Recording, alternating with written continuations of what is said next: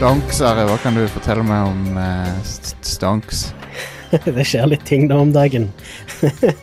Det, han uh, Elon Musk uh, tweeta GameStonks her om dagen. Game, GameStonks. Ja, av en eller annen grunn så har GameStop plutselig blitt verdt ganske mye mer enn det det ja, har pleid å være. Ja, på papiret så er det verdt mer. Um, Ja. Men det er jo ikke eh, Det er vel ingen som seriøst kan hevde at GameStop er verdt Nei, Games, GameSpot er verdt GameSpot, GameStop, hører du. Ikke GameSpot. Jeg vet ikke hvor mye Ja. de er verdt. Men GameStop er jo ikke verdt det som aksjene er oppført som nå, da. Nei. Altså, men- så, så vidt jeg har forstått det, så har det jo vært litt sånn eh, litt markedsmanipulasjon i forkant av det, at dette skjedde. Ja. Sånn at eh, det er investorer som har drevet og shorta aksjene. og Ja. når, når folk driver og gjør det eh, såpass mye, så, så pleier verdien å synke på aksjene. ja. De, eh, de, de, de vedder på at GameStop skal gå dårlig. Ja. Men de har gjort det i så stor grad at eh, At noen på Reddit fant ut at eh, hva hvis vi gjør det motsatte? Altså, ja. altså Organisere på en måte massivt oppkjøp i GameStop ja. på Reddit. Um, Eh, Det- og jo flere folk som kjøper eh, aksjer, jo mer pleier jo verdien å øke. Og det Ja. liker jo ikke de som har drevet shorte aksjer, fordi de vedder jo på at aksjen skal bli mindre verdt når de først må betale for dem. Er det ikke sånn? det er? Stemmer. Sånn at uh, de har um, de, de, de, de fondene som har drevet og spekulert, de, eh, de sitter nå og ser på eh, en milliarder av dollar eh, i tap da, av Reddit. Ah, det er jo fantastisk. Det er det, for det, dette er jo eh, Så jeg håper, jeg håper at de faktisk må tape de pengene òg. At, at det faktisk eh, Sånn som jeg, sånn som jeg har forstått det, så, så, så er det reell sjanse for at de eh, må realisere de tapene. Um, Mm. Og da er de fucked. Um, men hvis du skulle synes synd på disse her folkene eller noe, så må du ikke gjøre det, for det er de verste folkene i verden. Uh, som, Ja, det er vel kanskje å ta litt i, som står bak er jo de. Hedgefondfolk er ganske kjipe. Ja, det, det er ikke en spesielt sånn uh, fin taktikk, da, for det er jo gjerne folk med mye penger som gjør dette her. Ja. Og det spiller jo Det er jo en måte å manipulere aksjer på som gjør at eh, verdien på selskapet går ned. Ja, Og det kan jo påvirke jobber til folk som ikke Ja, har så mye penger. Kan, Kan Og dette her er jo en sånn en liten feel good story, fordi det tar jo på en måte eh, og gir pengene tilbake igjen til gjerne de som ikke har så mye penger. Ja, jeg håper jo i hvert fall det. At det kan skje. Men selvfølgelig så er det jo ikke bare good guys på Reddit-greier heller, liksom. Det, Nei, selvfølgelig. det, det må jo Det er sikkert noe tvilsomme greier som har foregått. uh, Ja. Men Men det, det er artig å se at uh, Wall Street eh, de, de så det ikke komme, og nå har de panikk, og så er de på TV. De, så på, de var på Fox Business noen og drev og sa sånn Dette er ikke rettferdig, liksom. Hvordan, eh, at, andre, at andre bruker den Bruker verktøyene mot de som de har ja, det er ikke rettferdig, nei. Så, så vil de ha mer regulering av aksjehandel. Plutselig. Ja, men Når det de- må jo påvirke måten de oppfører seg på òg, Ja. tenker jeg. Det, er jo, det må jo det, da. Men de, de, de Ja, nei, de har aldri De har aldri vært for det før, så det er rart at de er for, for det nå. De er for det nå fordi de taper flere millioner. Mm, det er, nett, det er nesten Var det milliarder du sa? Ja, milliarder av dollar. Ja, unnskyld. Jeg Aks, gjorde det. aksjen eh, for et år siden var fire dollar eh, per, og nå er han på 350 akkurat nå. Ah, den har jo vokst helt ekstremt. Når var det det begynte å vokse igjen? Nå. Nå i januar. Nå, så, for det var på rundt fire dollar eh, Nei, han var sånn på- tidlig januar. Han var på sånn 15 eller noe. Ah, ja, okay, Så han hadde vokst sakte eh, i høst, og så plutselig så har han økt med mange hundre prosent. Hmm.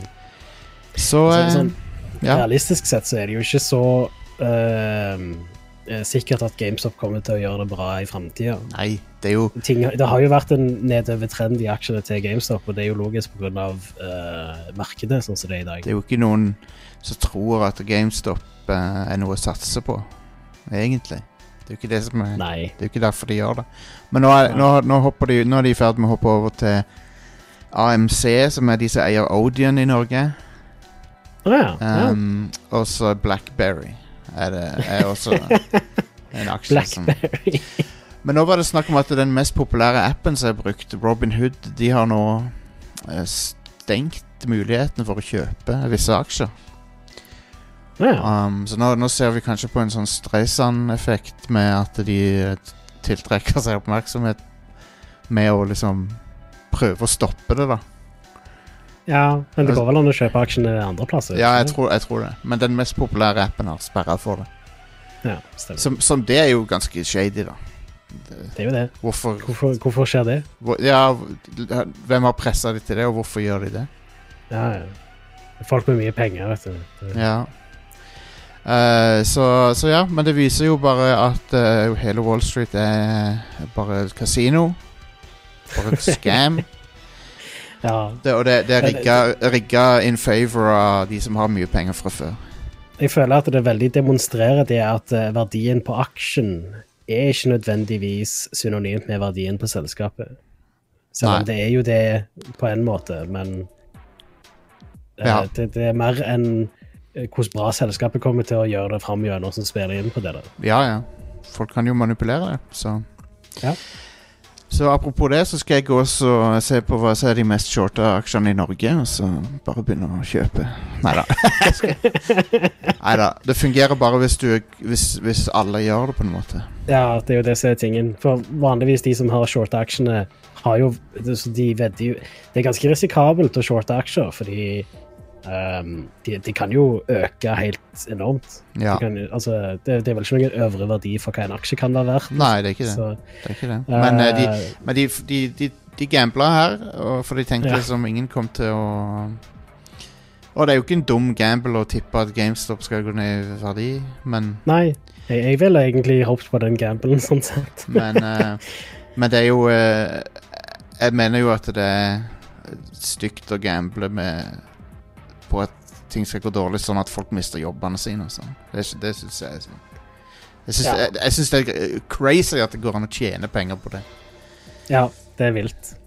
Uh, hele det der shorting-greiene av aksjer burde egentlig bare avskaffes, nesten. ja, det burde det.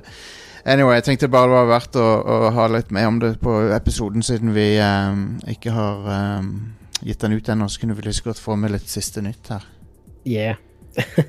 det er ganske interessant. Ja, det er det. Det er funny. Det er morsomt, det meste av alt, da. Ja, det Det funny. og, og det føles ut som det er litt sånn justice i det òg. Ja, det gjør det. det. Det er gøy å se folk få litt egen medisin, og så er det gøy å um, Med memesene. Ehm, og så er det Ja, det er bare funny at det At de eh, sliter med å Med å cope med liksom eh, de, de, de har alltid, de har alltid drevet på sånn, så når noen andre gjør det mot dem, så er det plutselig urettferdig. Det er, det er så funny. Ja. Um, jeg, Øh. men jeg, jeg mener jo altså de, systemet, Systemene og mekanismene som gjør det mulig å gjøre dette, her burde jo ikke eksistere, etter min mening. Men det er min Mm. personlige politiske mening er at det, det burde ikke gå an. Men når det først går an, så, så må det jo være mulig for alle å gjøre det. Ja, helt enig. Um, Det, det hadde jo vært bedre om at uh, aksjene faktisk gjenspeilte uh, hvordan selskapet gjør det, og ikke Ja.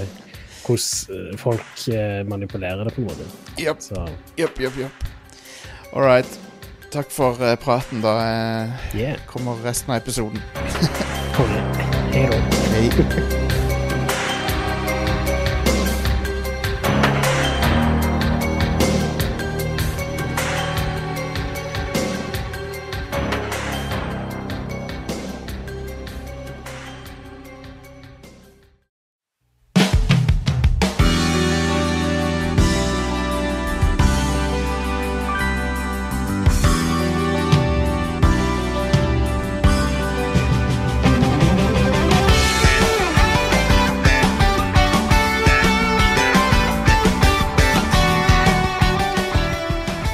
velkommen til en ny episode av Red Crew her eh, på uh, internett. Hele internett snakker om den eh, syv meter høye dama fra Resident Evil 8. Og det skal vi også. Ikke hele episoden, da, men vi skal snakke om henne. Dere kan stole på det. Um, hele internett er horny for uh, The Vampire Lady. Så Pluss de der ve uh, vepsedamene òg. Vepsevampyrene, eller hva de er for noe. De, de var eh, litt uh, gross òg, de der. Ja, men de er de gross, men det er litt sånn Det er litt sånn uh, Litt hotte òg, sant? Du, du, du, du, blir redd for dem, men så er du Det er sånn som det der memet med han fra SNL der det står eh, Well, uh, mark me down as scared and horny. Ja.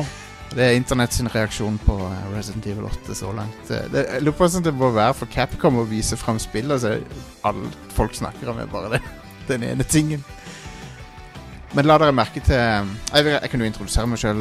Jostein her, og så har vi fra Lura. Eh, Are, hei. Også fra eh, Håba Fjell. Stian. Også fra, eh, fra Oslo. Fra, no, fra Nordre Follo. Nei, fra Oslo.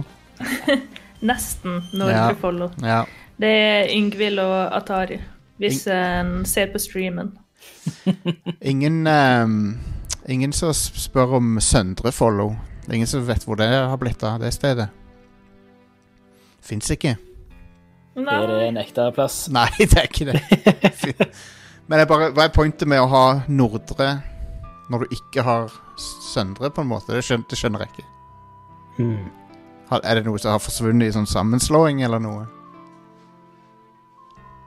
Vitenskapen for, gir oss kanskje aldri svar på det. Men uansett um, Det jeg drev og uh, snakka om før vi begynte her, var Sina og Hercules. Og uh, visste dere at eh, hun Lucy Lawless hun var med i den der piloten til Hercules, men ikke som Sina? Spilte en annen rolle. Å, Men var Hercules først? Ja, Hercules var først. Ja. Sina var spin-off, uh, som var bedre enn Hercules. Ja. Mm.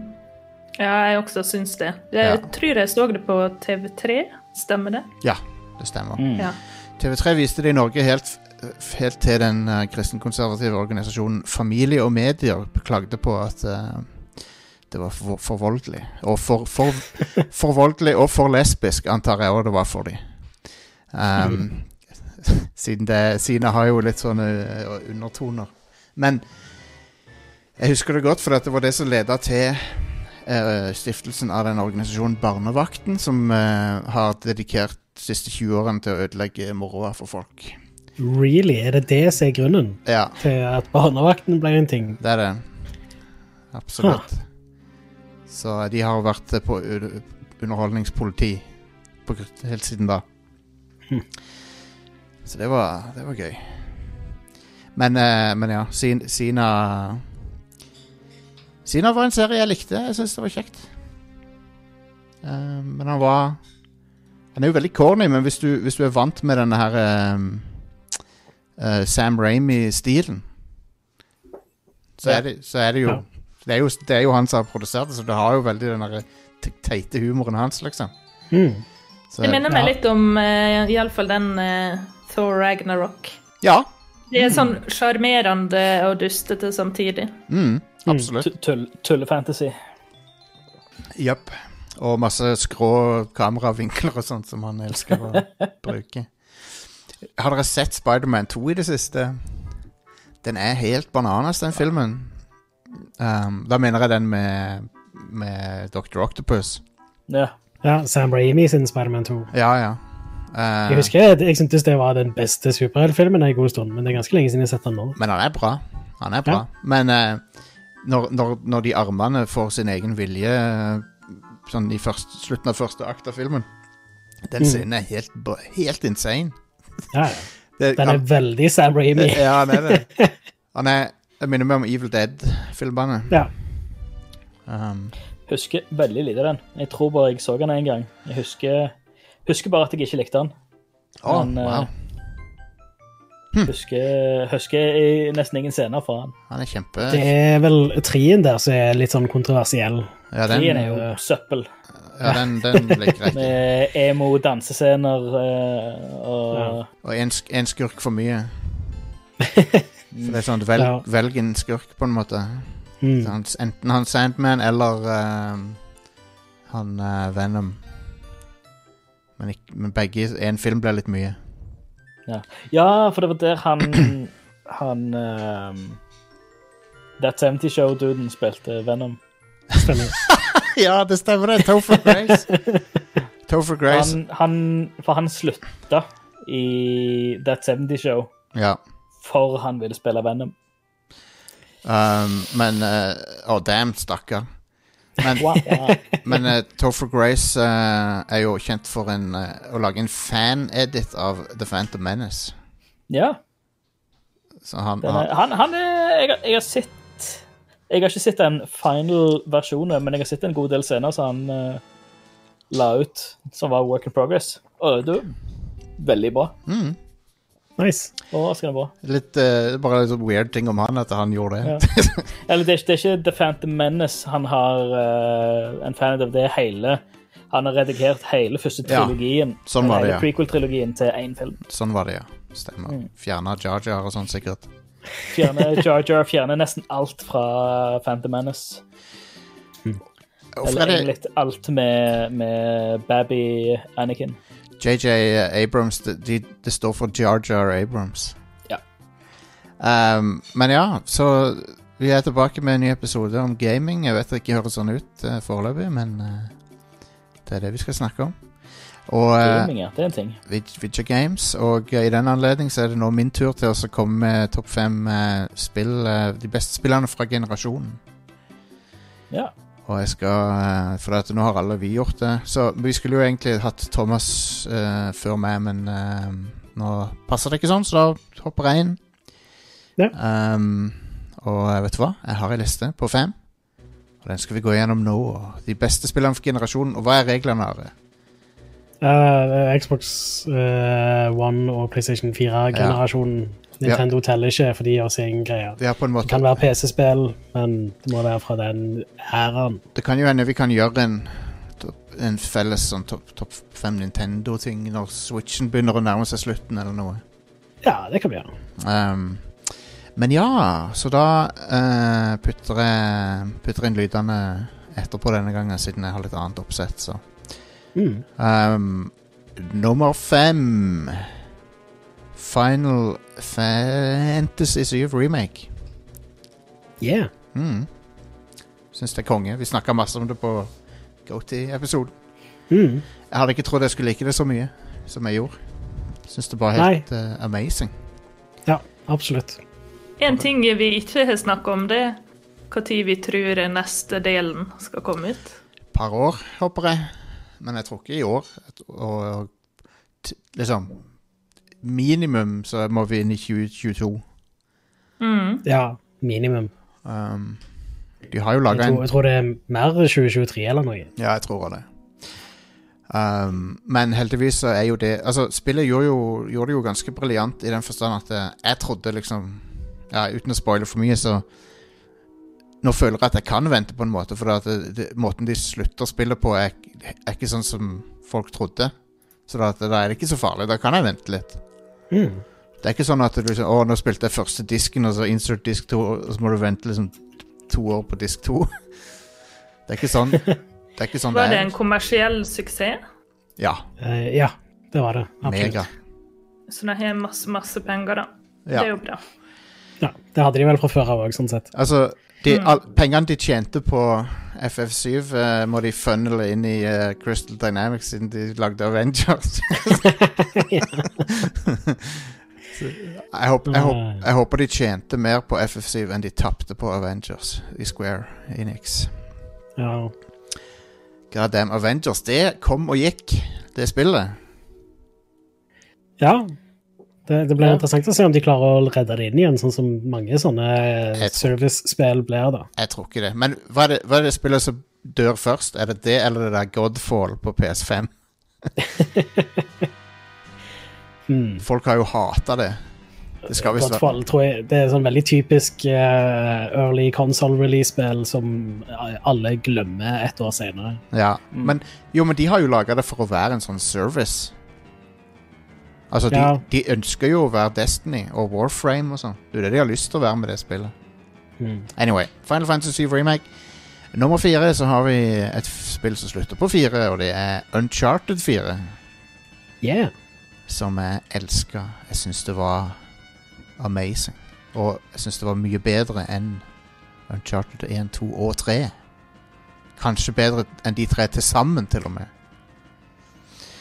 Jeg bare syns det var eh, eh, opp, opp, Måten de oppdaterte Nathan Drake på, var det som gjorde hele spillet. Ja. For at han var plutselig en person som du kunne tro på, istedenfor å være en Være en sånn todimensjonell tegneseriefigur som han var i de Mm. tre første. Det var veldig fine mellommenneskelige forhold. Ja. Fordi jeg føler Uncharted hadde allerede veldig likandes eh, spillfigurer, hvis Ja. man kan si det sånn. Ja. Men eh, det tok det til eh, det neste nivået. Ja, Mm. Gjorde det. Veldig sånn bra drama i det spillet mellom eh, de forskjellige rollefigurene. Absolutt. Um, så jeg var, eh, jeg var superfan av det. uh, og så var det jo helt nydelig å se på. Mm. Sinnssykt bra grafikk. Um, det hadde vært gøy om de uh, oppdaterte det for PS5, men jeg vet ikke. Kanskje det, tida, kanskje det har gått, toget har gått for det. Jeg vet ikke. Ja, det hadde vært fint om de bare hadde unlocked frameraten eller noe, sånn at du kunne fått 60 FPS. Ja, enig. Enig. Um, jeg skjønner hvorfor de ikke kan, gjø kan gjøre det på flere spill, liksom. Det er bare, bare unlock frameraten på Ja, har Det er ikke alltid bare bare. Det er litt sånn Hvis du unlocker frameraten på Skyrim, eksempel, så går fysikken helt uh, crazy. Ja, Bloodborne òg, visstnok. Ja, det så, så det er litt sånn eh, jeg, jeg prøvde å unlocke frameraten på Metal Gear Solid 5 på PC, og da endte Når jeg rei på hesten, så endte jeg opp med å plutselig ri, eh, Altså, bakken er ujevn, men da eh, oppførte hesten seg som om bakken var flat, så jeg bare svevde i løse lufta og sånn. Konge. Um, Yep. men, men Uncharted 4 det har så mange bra øyeblikk, og, og det, det er liksom ikke bare Det viser at eh, serien trenger ikke bare være action heller. For det, mm. Mm. egentlig så er det drama som er best i det spillet. Ja. Det er det som løfter det over de tre forrige spillene. Ja, ja. Og så har det noen actionsekvenser av og til som bare er sånn holy shit, Og sånn har de fått til det der? Sånn som sånn så den biljakta Mm. Åh, ja. med, så bra. med broa der og sånn. Sinnssykt Ja.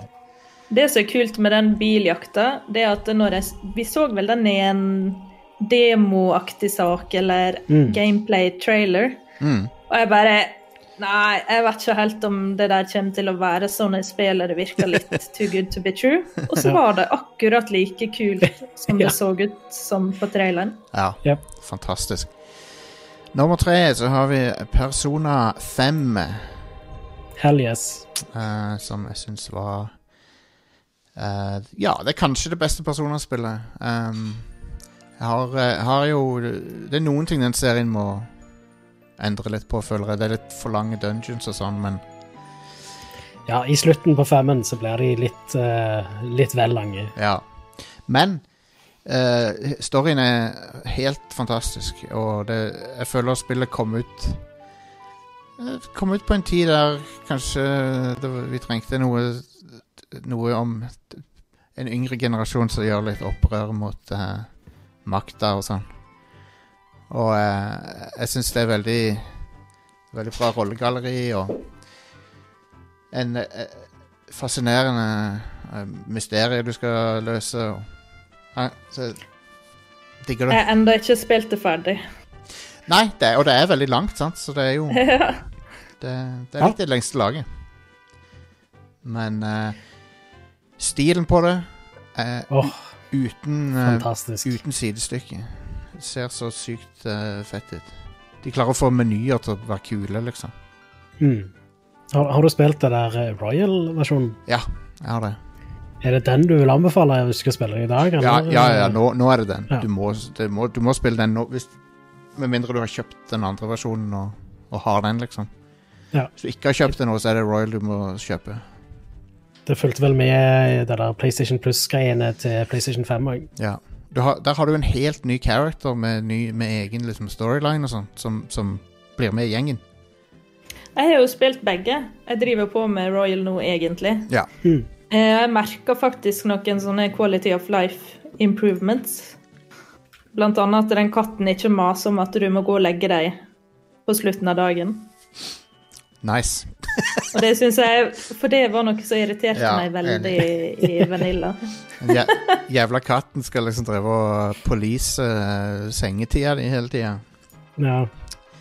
Ja, det var jeg enig i. Det, det var irriterende. Anyway, men jeg spiller, spiller jeg dritbra, så kjøp Royal hvis du skal ha det.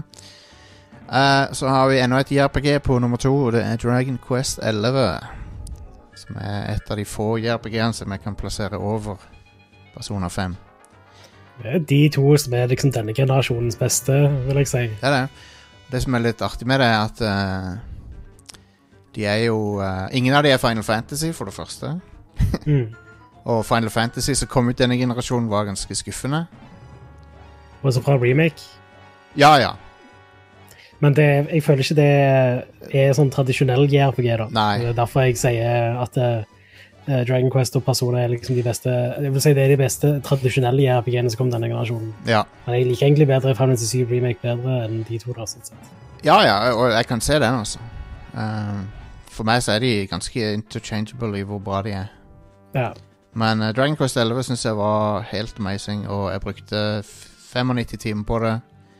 Og det føltes ikke ut som det var Det føltes ikke ut som den Der personer føles la- langdrygt, så er det de 95 timene var Merka ikke noe til det. Mm. Så jeg ble liksom aldri lei. Jeg, jeg, kan, jeg kan spille det i kveld igjen, hvis jeg vil. Og det vil jeg. Så. Ja. Jeg syns det er helt konge, det spillet. Det er så, det er så vanedan uh, combat og sånn. Mm. Og, eh, og der har du òg den nye versjonen som er på GamePass, og der, den har òg masse sånne quality of life eh, improvements, som de kaller det. Ja. Så eh, det er en kjekk versjon av det spillet. Og så er det bare en veldig fin eventyrhistorie som jeg syns er verdt å oppleve. Um, så ja. Og så har vi eh, på nummer én Horizon Zero Dawn, gitt. Yeah. Det er min Ja. favoritt. Jeg husker veldig godt når jeg fikk det til å anmelde. Jeg var heldig nok til å få det tidlig. Og Yeah. eh, det var så drit å ikke kunne si noe til noen når du hadde Ja. det. Mm. For eh, det, det rare er at helt, helt i begynnelsen av spillet så var jeg litt sånn OK, det er Far Cry-aktig. De har laga et slags Far Cry-aktig open world-spill, ganske typisk. Men med en gang de der sci-fi-storyen begynte å rulle, så var jeg bare hooked. For den, den storyen er helt fantastisk. Og original.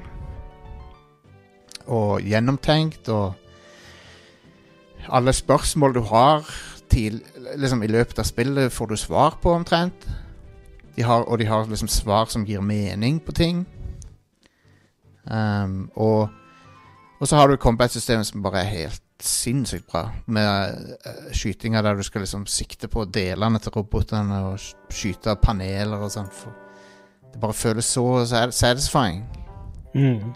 Ja, men husker første gang jeg tok uh, den T-rexen. Ja. Første som du møter på akkurat når du kommer over til den yep. ørkendelen, eller til den nye delen. Mm. Jeg vet ikke om det var jeg som var litt tidlig, eller et eller annet. Som var sånn OK, shit. Uh, here, here, here we go. ja. Det er ganske Plutselig en eh, dino som er sånn dobbelt så stor eh, Yep. som de du har sett før. Yep. Ja. Ganske vilt. Ja, det er dritfett. Um, og så liker jeg veldig godt sånn uh, lawful good protagonister i spill, så jeg likte veldig godt Aloy, for det hun er sånn uh, Bare sånn en god, uh, god person som vil hjelpe folk. Ja. Men hun Mm. er jo- hun er jo tøff mot eh, skurkene. Hun tar ikke noe shit fra noen. Yep. Så jeg likte hun veldig godt. Så Horizon Zero Hva Dawn sier, hva de sier om Fantomet? Tøff mot de tøffe og og rettfer rettferdig mot de snille, eller hva det er. Ja, noe sånt, ja. Sånn som Fantomet. Fantomet. uh, hun er Fantomet, basically. Ja. Jeg føler også at hun Aloy var en av disse her eh, Noe av det vi ser nå, små jenter i alle sånne indiespill. Ja. Eh, traumatiserte små jenter. Jeg føler at hun var litt starten på den eh, ikke sånn megasexy heltinna, ikke sant? Ja. Hun er ganske ung. Hun er vel bare tenåring. ja, hun er sånn eh, Etter, søt- eh, Virker som hun er sånn 17-ish, eller noe sånt nå. 17-18. ja. Det er litt uvanlig å ha en protagonist som er så ung, så det er litt kult, da. Ja, Mm. det er det. Ja, hun har jo mye mer karakter eh, enn Lara Croft har nå om dagen. Så Så La La Lara er på en måte Jeg føler de har glemt litt hvem Lara Croft er, på en måte. ja. Jeg er enig. Ja. Um, jeg, jeg vil ha Jeg vil ha 90-talls-Lara tilbake på, i den forstand at jeg vil ha eh, litt sånn attitude fra henne. Ja, du vil ha trekantpupper. Ja, det er jo selvfølgelig. Ja, ja, ja, det er jo. Men det kan du Ja, vi har jo eh, vi har snakka om det her, Jostein, at eh, hun burde ha vært sånn som Chloé i Uncharted Ja. Legacy. Ja, det har du Det er en god uh... Litt sånn sassy, selvstendig, men dyktig. mm, Mm. Enig. Ja. Men uh, hun, hun, hun er så jævlig uh, emo i de nye. hun, er så, det, hun, liksom, hun har det miserabelt hele tida. Og så, og så, så er alt det bare går galt for henne. Selv når ting går riktig, så er det sånn Å, man. Hvorfor skjer dette her med meg, liksom? Men, uh, men ja, jeg, vil, jeg, jeg likte den der attituden som Lara pleide å ha, med sånn, eh, der hun nesten var sånn, en av medlemmene av Spice Girls eller noe. Og, og var liksom så Shooty Spice. Ja, hun var litt sånn cocky hele tida. Sånn uh, at, at hun alltid hadde litt sånn kontroll over situasjonen og sånn. Eh, men jeg er for å gi henne litt mer dybde enn det, men jeg bare syns at det har ja, hun er litt kjedelig nå om dagen. Men eh, Men ja, Aloy. Digger hun. Eh, kul character. Mm. Viser at eh, du kan ha bra characters i eh, den- Denne lista her viser at du kan ha bra characters i uh, trippel A-spill. Mm. Og bra, bra manus. Og det er ikke bare indiespill som har de tingene. Eh, så ja, det var det. Og da Bra Veldig liste, Stein. Jo, takk. Tusen takk. Konge. Takk for det. Uh, det er jo masse runners up, sånn som Last of Us Part 2, for eksempel. Det er jo Mm. konge. Ja. Det er på topp 10, det. Apex Legends Hell yes. er på topp 10. Titanfall 2, kanskje.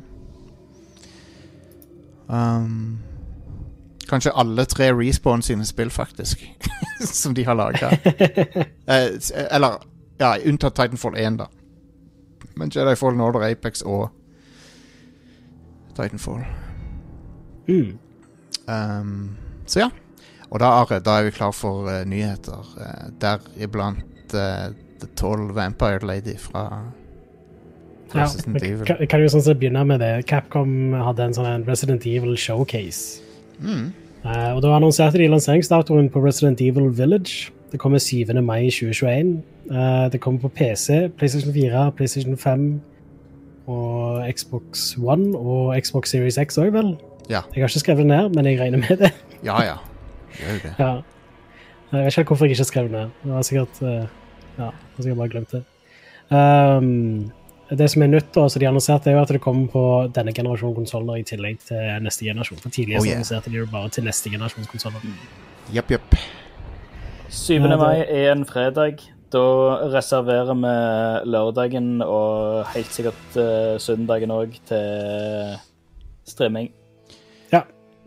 Kanskje uh, du jobber ikke denne helga, håper jeg. Jeg jobber kveld på fredagen, Ja, OK. så Kanskje. vi kan begynne på eh, lørdags uh, lunsj. Ja. Lørdags står opp og spiser en pizza. Og så Ja. Yeah. Pizza til Ja. frokost, eh, og så Resident Evil. Jeg yes. føler, jeg føler vi har gjort det før. Jeg syns at at jeg tror, jeg eh, en gang eller to. jeg, jeg syns at uh, miljøet i spillet så helt uh, fantastisk ut. Så Ja. nydelig. Mm. Og, og skummelt. Også litt sånn creepy. Yeah. Um, og de eh, Ja, nei, det, jeg, jeg, ser for meg mye tissing i buksa ja. når jeg spiller det spillet. Uh, det har jo dukket opp videoer på YouTube og sånt av den demoen som kom på PlayStation 5. Ja. Uh, den uh, Maiden-demoen. Men jeg har ikke sett noe av det, fordi jeg hadde lyst til å spille den Ja, sjøl. Men Helt da må jeg ha en PlayStation 5, så Um, Eh. Så eh, det blir nok bare å hoppe rett i spillet. Um, de, de har jo basically gitt ut en PT-aktig greie.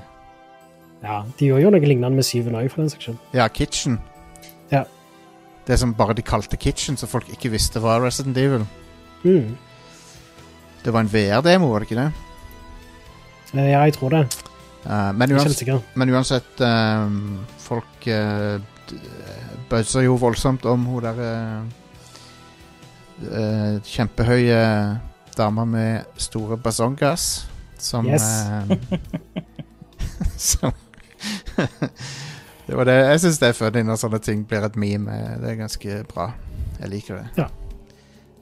Um, men kul, kul look på henne, egentlig, som en sånn skurk, for at det, hun er ikke Jeg vet ikke, det er bare noe du ikke ser i spill så mye. Det er et sånt Mm. kult design på henne. Ja. Og så virker hun creepy. Og det samme gjør de der andre damene hun har med seg. Yep. Super det er ekkelt. og, og så likte, Ja. jeg, at Merchanten er tilbake. Åh, ja. Eh, Veldig eh, inspirert av Resident Evil 4 på mange måter. Ja, ja, ja. Ja, og til og med, til og med eh, liksom stedet du er på, er jo litt Resident Evil 4-aktig. Mm, absolutt. Så eh, jeg er veldig spent på dette her. Eh, Ja. de, de viste jo fram et multiplayer-spill og det så uh, ikke bra ut. Nei, dette uh, Reverse, eller Resident Evil-verse, Ja. uh, det så ganske bås ut, syns jeg. Men det følger med Village, da. Um, og det, det, det, det Det så ikke bra ut. Det var rett og slett null interesse for det fra, fra min side. Mm. Det eneste som er weird med det, er at det er to Chris Redfields i det. Du har en vanlig Chris Redfield og syv, syveren Chris Redfield. Ja. Så det er begge, betyr det at begge er At de er forskjellige personer? Det gjør kanskje det. Hmm. Sært. Ja, Nei, men uansett, jeg, eh, jeg syns det er så drit ut. Jeg skjønner ikke hvorfor de fortsetter å lage race i multiplayerspill multiplayer-spill hele tida. Er det noen som liker de spillene? De har laga mange, men det er bare What? Ingen av de er bra... jo bra. var det noe særlig med folk som spilte den multiplayer-modusen som fulgte med trien? Nei, det var vel ikke det. Og så har du de der andre multiplayer. de er Umbrella, et eller annet. Umbrella Chronicles Nei, Umbrella Nei, var, Chronicles var, light, lightgun-spill. Ja. Mens- Eh, Men det var noe Umbrella, et eller annet. Men det var, de har laga flere multiplayer-spill, og ingen av de har vært bra. hmm. Jeg føler multiplayer Resident Evil går imot hele greia med Resident Evil. I hvert fall sånn som jeg liker Resi, er at det er en litt ensom opplevelse som er skummel. Ja. Resident Evil 5 er jo fortsatt ganske bra, da, som et coop-spill. Jo, men det er, Men, det er, eh, det er co-op. eh, eh, Men Ja. de insisterer på å lage sånne deathmatch-spill hele tida. Ja. Eller det, det på Resident Evil 3 var sånn der Left for Dead-aktig. ja, det var vel mer sånn uh, Evolve-aktig. Ja. Uh, sånn én mot fire eller noe. Uh, Yngvild, så du noe av Resi 8-greiene? Jeg har bare sett det på Twitter og sånn. Ja. Eh, jeg har jo ikke spilt så masse horrorspill eh, opp gjennom tidene. Nei. Det er noe jeg kanskje har Jeg ser ikke så masse horrorfilmer heller, men jeg har utfordra komfortsona mi på det de siste åra. Det er litt gøy, da. Ja. Eh, men jeg, jeg spilte jo Resident Evil 2 remake, og jeg er veldig stolt over at jeg spilte det ferdig. ja, ja, ja. For jeg syns det var Det var ubehagelig til tider. Når du hører disse tunge stegene bak deg, og du bare oh, ja. får panikk, liksom. Men det er klart. Eh, så Ja, jeg tror jeg skal eh, prøve meg på det neste, ja. det er klart at du må Mm. være stolt over det. At, eh, for det, du, har overkommet noe som du Oh, yes. eh, ja det, selvfølgelig. Men uansett, eh, jeg gleder meg veldig til åtteren. Og det var en overraskelse for meg eh, med datoen. At det var så f mai allerede. Ja, det er Å. Jeg, jeg tenkte eh, at det, det var sånn rundt omkring da det skulle komme. Jeg. Ja, jo da. Fair enough. Det er jo de samme folka som har lagd Resident Evil 7, så de har jo sikkert holdt på med dette her siden det kom ut. Ja, Det er jo noen år siden. det. Jeg liker ideen om at current Resident Evil er førsteperson, og retro Resident Evil er tredjeperson. Det, det syns jeg er kult. Jeg syns de gjorde førsteperson ganske bra i Resident Evil 7, så jeg har troa på åtten, sånn sett. Ja. Uh, men i utgangspunktet så var jeg ikke så gira på å spille et Resident Evil-spill i første person. Jeg vil heller ha tredjeperson. Men jeg ble jo allikevel solgt på konseptet når jeg spilte syven. da. For det, det, er, det er en immersive Det er mye mer immersive. Sånn, Mm. og pluss at de lagde det jo for VR. Ja. Så eh, Så det, da er førstepersonen tingen. Men eh, Mm. Men uh, jeg har ikke spilt Resident Evil 7 i VR, faktisk. Men jeg skulle gjerne prøvd det. Men det, virker, det er jo litt skummelt, da. Ja, jeg skulle ønske det støtta PC-VR. Ja. Jeg har ikke lyst til å spille det på PlayStation VR. 720P VR. Ja, men interessant å se om åtten støtter VR òg. Det har de vel ikke sagt noe om. Uh, nei, det har de ikke. Men uansett, så, så uh, Resident Evil kan godt være førsteperson, det kan godt være tredjeperson for min del. Det, det spiller ikke noen rolle. Mm. Jeg liker begge deler. Um, men det, den mansion ser jo ut som en prime eh, location for uh, dustete puzzles, da. Ja, ja. Det, men det er jo sånn Resident Evil skal være. Ja, Så det er greit. Det er det. Det er det. Du må putte, putte dyresymbolet inn i socketen, og så bla, bla, bla. Også. De er dustete, men de er ikke så vanskelige, heldigvis. Nei, nei. jeg da. når, jeg- og når jeg sier de er dustete, så er det sånn Resident Evil 2 er jo den mest absurde av de. Ja, politistasjonen som òg er bare sånn Ja. Det er en politistasjon, men det er også veldig som en eh, mansion, som i eneren. De gjorde det litt mer troverdig i remaken, vil jeg si. Ja, de gjorde det. Men uh, i originalen så er det noen sånne Ja. Hvorfor må du klatre opp en stige for å komme opp i andre etasje? og sånne ting som det. Um, jeg fikk en melding fra Erik Fossum om at eh, Capcom fikk eksklusivitetspenger for å ha det på PSVR. Ja. Fem millioner dollar. Mm. Stemmer. Det kom jo ut i den uh, Capcom-lekkasjen. Ja. En annen ting som kom ut i den Capcom-lekkasjen, var at de holder på å jobbe med en remake av Resident Evil 4. ja. Men det var det ingenting Og- om på denne presentasjonen. Nei, men det har likevel kommet litt sånn eh, En liten rapport uh, fra det. Dette er jo bare rykter, da. Unsubstantiated spill er jo ikke annonsert ennå. Uh, men visstnok så har uh, utviklingen det blitt eh, litt sånn reboota. Og så har eh, Capcom Division 1 tatt over som hovedutviklingen, da, mens M2 får en redusert rolle. Mm, okay. Eh, og det er litt sånn interessant grunn til dette her. For til M2 er de som lagde eh, Resident Evil 3-remaken. Eh, og der tok de litt sånn friheter. Det var en del ting som de kutta ut fra spillet og sånt. Eh, Cap- og Kanskje Capcom ikke likte det? Var det det du mener? ja, altså uh, Folk likte jo ikke det så godt. Nei. De fleste er vel egentlig enige i at Resident Evil 2-remaken var en bedre remake enn Resident Evil 3-remaken. Ja. Uh, men uh, Capcom vil helst at remaken av Resident Evil 4 skal ta litt mer friheter og sånt, mens M2 vil gjøre det Ah. mer trofast. Okay. Så det har liksom switcha om, kan du si. Eh, men pga. uenigheter da, så har det endt opp med at Capcom Division 1 tar over utviklingen av det. Det er det studioet som lagde remaken av Resident Evil 2. ok. Eh, så ja. Jeg tenker eh, egentlig at dette er gode nyheter for resultatet til slutt, sånn sett. Ja. det er det. Um, Jeg, jeg, men jeg, det betyr jo kanskje at spillet blir utsatt òg, da. At Ja. eh, det ikke kommer før i 2023 eller noe. Resident Evil 4 er en bra kandidat for remake uansett, for at eh, det, gameplay har ikke nå, nå begynner det å vise alderen sin. Nå begynner det å vise at det, det er ikke så gøy å spille det lenger. Det har egentlig vist det helt siden jeg ble vant med styringen i Gears of War, føler jeg. Ja. Det å sikte med venstre analogspake er bare ikke aktuelt. i Det er balle å Ja, det er sikte Det går ikke. Det, det går på en GameCube-kontroller. Fordi jeg brukte flere titalls timer på det spillet med en GameCube-kontroller. Så da sitter det litt i fingrene. Men Jeg liker, eh, jeg liker de gode gamle tank controlsene i 1 og, 1 og 2 og 3, men eh, ja, jeg er fire òg har tank controls. Ja, de har jo det. Det var det at kameraet er annerledes. Det er sant, det. De, uh, Um, fireren eh, nærmest eh, han, han oppfant ikke, men han, han gjorde det populært å, å ha den der Gears of War-kameravinkelen. Ja. Det var, det, var, det var det spillet som liksom, gjorde, at det, gjorde at det ble standarden. Mm. Og det, Eh. det ser du jo ennå i spill. Du ser det jo i, til og med i Fortnite. Så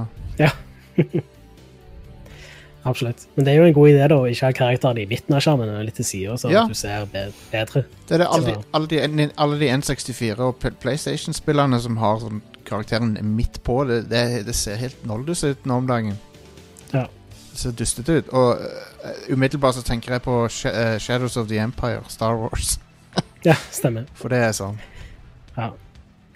Uh, to be fair, så er kameraet litt mer zoomet ut der enn det er i Resident Evil, så det er, Ja. det er ikke så stort problem som det hadde vært hvis Nei, nei. Leon hadde vært midt på skjermen med den kameravinkelen som Ja. du har i Resident Evil 4. For det ville jo bare ikke fungert. true that. All right.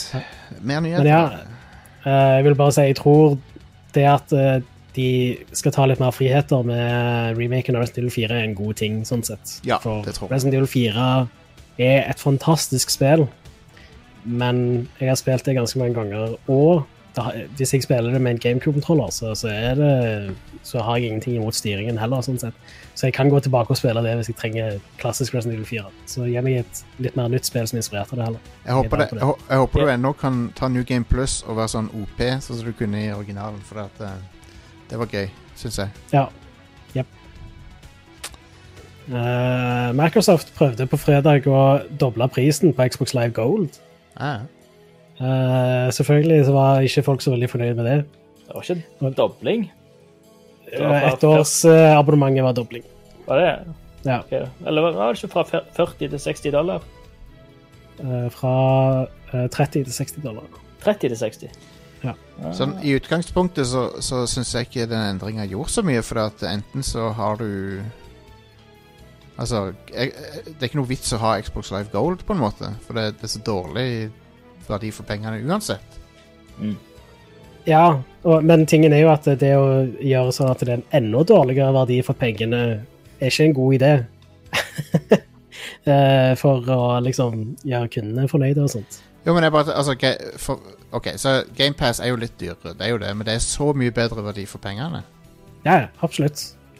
Eh, men tingen er at allerede så var Xbox Live Gold ikke så mye verdi for pengene, så det å øke prisen er jo Ja, ja. Nei, altså de, alt, De tjener nok penger, sånn at det, mm, det er jo bra at det, de ikke økte prisen, men sånn ja. Jeg tror jo det var et forsøk på å gjøre sånn at folk heller bare spytter i fem dollar ekstra for uh, å få GamePass Ultimate, liksom. Ja. Uh, men ja, det, det er jo ikke en spesielt sånn kundevennlig ting å gjøre. De burde, de burde De burde bare gjøre det gratis å spille online. Det hadde jo vært optimalt. Eh, Men det de annonserte, eh, samme dagen så gikk de tilbake på dette da, og sa at de ikke kom til denne prisen. Uh, Så det er jo bra. Altså, de, de tok til seg kritikken de fikk. Ja. Uh, I tillegg så annonserte de at i samme slengen så uh, framgjennom så har de planer om å gjøre sånn at alle spill som er free to play, ikke vil kreve gold. OK, men det er jo bra, da. De sa òg at de, må jobbe, de skal jobbe ganske hardt med det in the coming months. Så det, det er nok noe de bare sånn uh, Vi må redde litt Uh, Save some face. Og, eh, for det, det er nok noe de egentlig hadde tenkt å gjøre i utgangspunktet, tror jeg. De, Men de var, hadde ikke tenkt å annonsere det før det var klart. da. jeg tror ikke de har lyst til å vedlikeholde Live Gold, egentlig. De, de, har, de har lyst til å få alle over på GamePass. Det er det endelige målet de sitt. Ja, det tror jeg. Vil se på det. Og eh, Så ja. så de Men ja, de eh, Tingen er med Microsoft eh, De har ofte Altså, de har ofte rett, og de har ofte gode poenger i, når de gjør ting, men de gjør det på en måte som pisser off folk. Ja, Og det, det var det de gjorde med Xbox One òg. Sånn, de, var, de var bare et par år tidlige med den tingen som de gjorde med Xbox One. For de hadde jo rett at det, alle spill kom til å være online og alt sånt der. Og uh, så var de Men så, så gjorde de det litt for tidlig, og så ble de skurken av det, på en måte. Ja. Pl pluss at måten de presenterte det på, var douchey. ja. Det var jo hele denne tingen med at eh, disker, uh, altså spill på disk skulle ha en lisens. Så Ja. du ikke bare kunne låne vekk spillet til folk og sånne ting. Så det, det var jo det folk reagerte sterkest på. Ja. Og, så ja, de, de har Det hender de har litt problemer med messaginga si, selv om de Har gode, gode intensjoner. Ja. Mm. Um, men ja, da har de gått tilbake på det uansett, så whatever. Ja. Og det kom en god ting ut av det òg, og det er at eh, Microsoft endelig gjør sånn som alle de andre, at det free to play-spill ikke krever gold. For sånn er det på PlayStation og Nintendo Switch. Ja. Så Til og med på Nintendo Switch. ja. Ja. Uh, Blizzard. Der har det skjedd litt ting òg. Å ja. så først og fremst, er Icarus Visions blir en del av Blizzard nå. Så de kommer Mm. kun til å jobbe med Blizzard-greier. Eh, det er jo de som har lagd den eh, nyligste tingen. De slapp ut all remaken av Tony Hawks uh, Pro Skater 1 pluss 2. Stemmer. Kongespill. Eh, ja, det er det jeg har hørt. Jeg har ikke spilt det sjøl, men alle skryter jo av det. Det er dødsbra. Eh, Det, de nailer den. Ja. Du, du vet at de Eh. nailer det når det er så Det er nøyaktig sånn som du husker at det var. ja, nice. Så det er liksom det bildet du har av nostalgi, nostalgien i hodet, det er akkurat sånn som de får det til i dag. Så det er helt Kunne ikke vært det bedre. Mm. Så uh, Jen O'Neill blir forfremma til Executive Vice President of Development i Blizzard. Og eh, Simon Ebedger, tror jeg det uttales, I guess, eh, blir, eh, tar over som Chief Operating Officer for Vicarious Visions. Eh, Som, samtidig som dette skjedde, så kom uh, Bluebugs uh, Jason Schreier ut med litt sånne ting som han har uh, eh, ja, gjort litt journalistikk på. det. Mm. Eh, og det er rett og slett at eh, um, eh, Team One, som er de som lagde eh, Starcraft 2, Heroes of the Storm, Starcraft Remastered og til sist Warcraft 3 Reforged, har blitt quietly dismantled i løpet av eh, høsten. Ha. Uh, og uh, Vicarious Visions jobber visstnok med en Diablo 2-remake, som Team One begynte på, da. Hmm. Uh, og nå har da Team eh, 3 tatt over utviklingen av det, eh, sam- mens Vicarious Vision fortsetter å jobbe med det som et support-studio. OK. Eh, så de, de ansatte i Team 1 fikk da muligheten til å søke og intervjue på andre, stillinger ellers i Blizzard, men mange av de mistet jo jobben, selvfølgelig, så det er jo dumt. All right. Det, er, det er vel uh, sign of the times at de tør tør vel ikke sette i gang med svære prosjekter som nesten krever et in-studio, men dette er sikkert noe som er lettere å gjøre i Fordi- en covid-situasjon. Men de fucka jo opp uh, Warcraft 3-remaken, så det, Det gjorde Ja. de. Får håpe de har lært av det, da. Ja. Siden I hele den, I den artikkelen til Schreier så sier han da at uh, Warcraft 3 Reforged var et resultat av altså kjipe deadlines fra management og dårlig planlagt utvikling. ja, generelt. ja, men Corporate-kulturen der. Ja. Ja. De hadde visstnok annonsert spillet uten å informere Team One en gang om at de skulle lage det. Oh my god, dude. Come Oi. on. de hadde ikke så god tid på seg, kan Hva du si. er det for noe opplegg? Oi, oi, oi. Oi. Helt krise. Det er fucked up, det. Ja. Jesus. Da hadde jeg blitt sint altså, hvis jeg jobba der. Jesus. Det, det minner meg litt om eh, når eh, Nintendo annonserte Super Smash Bros. Brawl, tror jeg det var. Enten det eller så var det Melee. Ja. Så annonserte de at eh, han eh, som eh, er sånn eh, Hva er det han heter igjen? Han fyren bak alle de der. Um, Fox McCloud. Fox McCloud, ja. Ja, han der Fox McCloud. uh, han, de annonserte at han skulle liksom komme tilbake igjen og lage eh, Sakurai. Smash Bros. Sakurai. Sakurai var det, ja. De annonserte at Sakurai skulle liksom komme tilbake og jobbe med Smash Bros. før de hadde spurt han. Konge. Og, og da ble jo han satt i en situasjon hvor han kunne ikke si nei. Nei. Uh, Det er helt utrolig at han fortsatt lager Smash Bros-spill. Uh, det Kjempebra er. Ja, jeg ikke skjønner. helt som jeg hadde godtatt noe sånt. Men ikke at, eh, likevel, eh, da. Han Ja. Uh, ja, nei, men eh, Vi får se åssen Diablo blir, da. Mm. Jeg tror Det at Vicarious Visions går, eh, blir en del av Blizzard, tror jeg kommer til å øke kvaliteten på Blizzard-ting framover. Men jeg er litt sånn nervøs for at det er ikke nødvendigvis studioene som er grunnen til at eh, Nei. Blizzard har tapt seg i det siste. Det er litt vanskelig å si. Ja. All right. Videre? Uh, Tencent kjøper en majoritetsandel av Clay Entertainment, som er de folka som lagde Don't Starve. Ja, OK. Uh, jeg har prøvd Don't Så- Starve. Ikke noe fan av det. Ja. Men Tencent fortsetter å kjøpe seg eh, inn i hele spillindustrien. det gjør det. Ja.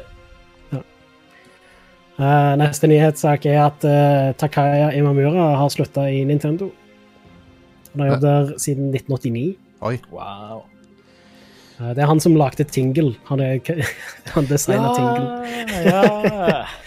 I tillegg så designer han òg de karakterene i Star Fox og sånne ting. Så det, og, Ja. ja, han har jobbet med mye forskjellig. F-Zero og Zelda og ja. Så han har gitt oss Tingle, rett og slett. Han har gitt oss Tingle. Cursed, Single eh, senior. cursed eh, Tingle. ting. Jeg likte ikke Tingle før. Jeg liker Tingle nå. Jeg liker, Ja. Tingle er konge. jeg liker Jeg også Tingle. blitt Tingle. veldig glad i Tingle. Jeg liker, Jeg liker Tingle nå etter han slutta. Men jeg liker Tingle for han er så weird. Ja, Mm. Jeg satte ikke pris på det når jeg spilte Majora's Mask første gang i Nei. 2000, eller hva det var. Men nå gjør jeg det. Jeg ble introdusert til han først i uh, Ikke Majora's Mask. Hva kan det ha vært første gang jeg så han? Uh, Wind Waker, sikkert. Ja, Windwaker, ja. Det var nok det. Eh, Jeg, jeg tror det som fikk meg til å sette pris på den, da, var det der Tingles Rosy Rupeeland på DS. Det Ja. var fantastisk. Det, Det det, er et uh, kongespill. Styg, det er en styggedom uh, Det er en vederstyggelighet av et spill, det der. Men, er, men, det er, men det er funny, da. Men det er Det er funny sånn og sjarmerende og alt det der. ja. Uh, neste ting er òg rykter og sånt. Uh, men det Altså, vi har jo hørt rykter tidligere om at eh, det er, holder på å utvikle et Star Wars Nights of the Republic-spill. Ja. Og eh, For ca. et år siden så um, tror jeg Jason Trier faktisk sa noe om at det ikke var EA som lagde det. Og Det lager jo litt mer mening i nyere tid, etter Ja. som vi har fått vite at uh, andre studioer enn EA jobber med Star Wars-spill. Mm. Uh, Jason Schreier sier forresten også at vi aldri kommer til å klare å gjette hvem som lager det. Da er det. Nintendo. Tror du det? Nei. Uh, eller yeah, se Ja, nei, kanskje. I don't know. altså, hvis, du, hvis, hvis det skal være noen du aldri klarer å gjette, så er det, så er det jo no. Da er det et japansk studio eller et eller annet sånt, tror jeg. From Software eller noe. Mm. Åh, From Software, det hadde vært noe. Jeg sier, jeg caller det nå, det er From Software. Jeg caller Ja, det. konge. Jeg, jeg håper du har rett. Ja. Eh, uansett så syns jeg det er konge da at uh, Nights of the Republic uh, At det, det eventuelt er tilbake igjen, da. Eh, for jeg liker veldig godt settingen i de to forrige Altså Ja. Nights of the Republic Er og de, er de populære fordi de var sånne BioWare-rollespill, eller er de populære pga. at det var Star Wars? eh, Det er nok fordi litt begge deler. ja, for det, Det har jo mye av de samme kvalitetene som Mass Effect 1 hadde. Det er Ja. jo de samme folka. Det er Så- Altså, Mass Effect er jo en, nesten en klone av Kotor. Mm. Det følger nøyaktig samme formelen. Ja, du merker at det er de samme folka som står bak det. Ja. Det er til og med mye av de samme stemmeskuespillerne og sånt òg. ja. Um, Så ja. Um, men ja, det eneste Altså, det er mange som har liksom verifisert disse ryktene, da, men det eneste som på en måte virker nokså trofast, da, eller sikkert, er at det er under utvikling, og at det, det ikke er EA som lager det. Eh, tidligere så har det vært rykte om at det skal være en remake, men Oi. jeg, eh, det er litt vanskelig å si sånn sett om, om det er bekrefta eller ikke. sånn sett. Ingenting okay. av det er jo bekrefta uansett, men Nei. ja. greit. Alright. Uh, det har uh, Noen har funnet en uh, sånn developer eh, cartridge med mye Ocarina of Time beta-greier på seg. Ja. Eh, Det var den høye cartridgen som jeg så bilde av. Stemmer. Eh, så, så tingen er at den eh, eh, var egentlig eh, en versjon av F-Zero på den, men det var ganske vanlig at de skrev over sånne cartridges med Ja. data. ja. Og Ocarina of Time betaen, det er den uh, som de viste fram under Spaceworld i 97, den tok mye mer plass enn F-Zero. Så de har skrevet over F-Zero, og så har ikke all dataen blitt overskrevet. da. Så de har Aha. drevet og eh, dumpa cartridgen på nettet, og så har flere folk lasta opp videoer og bilder og sånt fra eh, ja, Ocarina of Time Beta, eller Zelda 64 heter det på den tida. Det minner meg litt om eh, det som skjedde med uh, F-Zero GX. Er det det det heter det Oh. på GameCube? For, der, Ja, det. Ja. for hele, hele Arkadeversjonen ligger på GameCube-disken. Sånn skjult. Går ikke an å accesse den. Kan ikke accesse den på en vanlig måte, men han, hele Arkadeversjonen av GX ligger på, på disken. Ja, interessant. Ja. Eh, Nintendo sine arkadespill på den tida eh, var jo eh, Grafikken var jo veldig lik GameCube. Jeg tror det var mye lik hardware der. Ja. De har klart å få det til å kjøre liksom, på GameCube på Dolphin, men, eh, Mm. men det er ikke en, den er ikke helt fullstendig. Men den, det, eh, F-Zero AX, tror jeg det heter, det arkadeversjonen, den hadde sånn feature der du kunne ta med deg minnekortet ditt og putte inn i arkademaskinen, tror jeg. Ta med GameCube-minnekortet ditt. Nice. Det er en god idé, da. Ja, Mm. det er det. Ja, AX og GX, ja. Mm. Om det er det siste F-Zero-spillet som kom. Det er det, vet du. F-Zero er en død franchise. Ja. Den er Jeg tror, jeg tror noen spurte Miyamoto en gang bare sånn, kan dere ikke lage et F-Zero, og så er han sånn Hva vil dere mer vi skal gjøre med det? Det har liksom ikke noe Det eneste, Altså, det, det ville altså- jo bare blitt det samme spillet, liksom. Ja, eneste du kan gjøre er nye baner, ny grafikk, men ellers er det jo, det er Og det er jo en grunn til at Wipeout har jo bare dødd ut, for at du har Hva mer kan du gjøre med Wipeout? Du har Ja. Det siste F-Zero-spillet som har blitt utvikla, er F-Zero Climax. OK. Det var et uh, Hell ja yeah, dude. Hell yeah, dude. Japan Ja. Det var Japan Only eh, Gameboy Advance-spill. Kom Ja. ut i oktober 04. OK. ja. Wow. Gameboy Advance. Nice. Climax. Det så sikkert ut som det originale F-Zero, da. Ja, uh, ja, det ser ut som. Ja. Så, Eh, ja, siste- faktisk, ja. når jeg ser, noen screenshots her, det ser ganske ja, det ligner på SNES-versjonen. Mode, eh, mode 7 uh, og de. Nice. Skal eh, hjelpe Captain Falcon å nå eh, Klimaks i det spillet. Men ja, jeg anbefaler folk å sjekke ut litt uh, videoer eh, på YouTube av den Selda Zelda 64-betaen som han lekker. Det er ja, det var- Det var det vi snakka om, ja. ja. For de som liker å se uferdige ting, så Jeg så for eksempel Kakariko Village der så utrolig platt og kjedelig ut sammenlignet med sånn som det ser ut i det Det- endelige spillet. Det ser ut som et uh, Det ser ut som sånn en lagerplass. Ja, Det ser ut som folk liksom Det er sånn ja, det er sånn la, industriområde eller noe. Det ser bullshit ut. Wow. Det var bra de fiksa det. ja. Eh, siste nyhetssak er at uh, Elastomania kommer til konsoll. Konge. Ja. What? Ah, jeg husker jeg spilte Elastomania vilt mye for sånn 20 år siden, eller hva det var. Across.exe. Endelig så kan du um, få achievements da i Lastomania. Endelig. Eh, så det har kommet på Steam òg, i fjor. Eh, Ja. Så det kan godt være at du har Steam Achievements der. Har er det- Skal det ha ny grafikk, eller skal det ha den samme ugly ass-grafikken? Det det? må jo ha den samme ugly ass-grafikken. Det må være ugly. Altså, Ja, ja. Hvis ikke så er det ikke Elastomania. Jeg liker den fysikken med at du kan la hjulet henge sånn. Mm. Ja, jeg liker at når du snur deg, så roterer du bare sånn. Det, Du flip, flipper spriten du flipper spriten rundt. Ja. Og de Det er sånn prøver å skjule det. Han blir Ja, ja. usynlig. Det er 2D-plan som flipper Ja. rundt, og det blir usynlig når han er perfekt. Det, er- det er sånn det funker. Ja, det er så med, det er sånn motorsykler funker. Ja. Det, det er sånn de egentlig ville at Tom Cruise skulle snu i eh, Mission Impossible 2. Mm, Der han flipper rundt på framhjulet.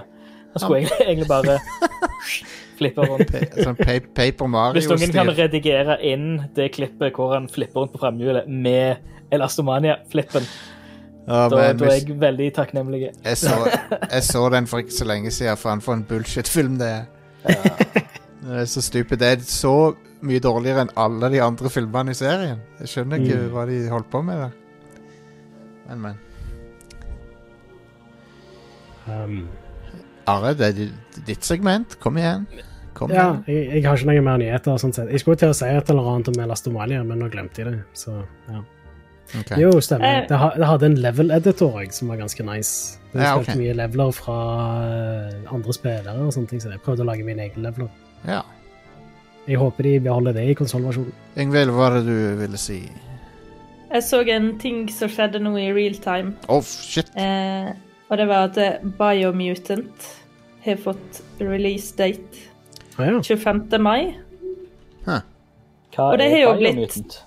Det er han lille gnageren eh, Det er jo vært teasa i årevis, det spillet. Ja, det har det. Jeg husker, Ja. det. jeg husker det når jeg ser det nå. Interessant. Det er en sånn liten warrior-gnager. Er det, Det ser ganske sjarmerende ut. Og, ja. er, er det en PlayStation eksklusiv, det? mm, skal vi se Nei, det ligger på Steam. Ja, ok. Ja. Ja. Biomutanten deres. THQ Nordic releases new gameplay footage. Det var et navn jeg ikke hadde hørt på lenge. uh, stemmer det. Jeg syns jeg så en gameplay-demo av det i fjor en gang som så vilt bra ut. ja, det ser veldig kult ut. Nei, det skal Mm. komme på PS4, Switch uh, og Xbox One, faktisk. Så det skulle nok egentlig ha kommet ut litt tidligere, tenker jeg. Han eh, Det er kul character design, men han, han er litt for uh, jeg, tror ikke furry community kommer til å, til å omfavne han så mye. For det at han, han er litt for. Han er litt for realistisk, på en måte. Så skjønner du hva jeg mener. Hørte det her først. Uh, Jostein har inside uh, innsidekilder i furry-miljøet. Ja. Er det lokale, eller er det internasjonalt? Eller Jeg bare gjetter. Jeg bare gjetter. Hvis hvis, noen, hvis noen fra furry community hører på, har jeg rett? Eller har jeg ikke rett? Jeg vil gjerne vite det. Men jeg har på Jeg, feelingen eh, ja. jeg syns karakterdesignet ser bedre ut enn om det hadde vært mer sånn ja, furry-aktig. Altså, både òg. Eh, I Wildstar så var det jo veldig sånn furry-stil, sant? Men det var òg en kul stil. Mm. Men mer furry-vennlig, vil jeg påstå. Ja, sikkert. Dette ser litt mer Det prøver å se litt realistisk ut. Det, ja, det ser ut Men- som uh, Det ser ut som Rocket Raccoon i, Ja. i Guardians. Mm. Nå har vi analysert dette for mye allerede. vil, du- skal vi gå over til ukas utvalgte spillutgivelser? Ja, takk for nyheten, Ingvild. ja. Det leder oss, Mhm. eh, leder oss inn på et spor vi helst ikke burde gå ned, men OK. Uh, I dag kommer Cyber Shadow ut til PC, Nintendo Switch, PlayStation 4, PlayStation 5 og Xbox One. Det Utvikla av Mechanical Head Studios. Ja. Det ser ut som veldig sånn Ninja Guiden på Nes-inspirert spill. Oh, ja. Eh, Det er published av Yacht Club Games, så jeg håper eh, det har lignende kvalitet som eh, Shovel Knight. Uh, Jeg tenkte å sjekke det ut, tror jeg. ja. Uh, på torsdag så kommer The Medium ut til PC og Xbox Series. Det første Og på GamePass. Game Pass. Ja, det er på GamePass, ja. Stemmer Det er det. på Game Det er ganske kult, ass. Mm. Ja. visst. Ja. Jeg må nesten teste det ut. Ja. Jeg er Eh, stor han- fan av han uh, Bekczynski, som de har basert kunststilen på. Å ja. Mm.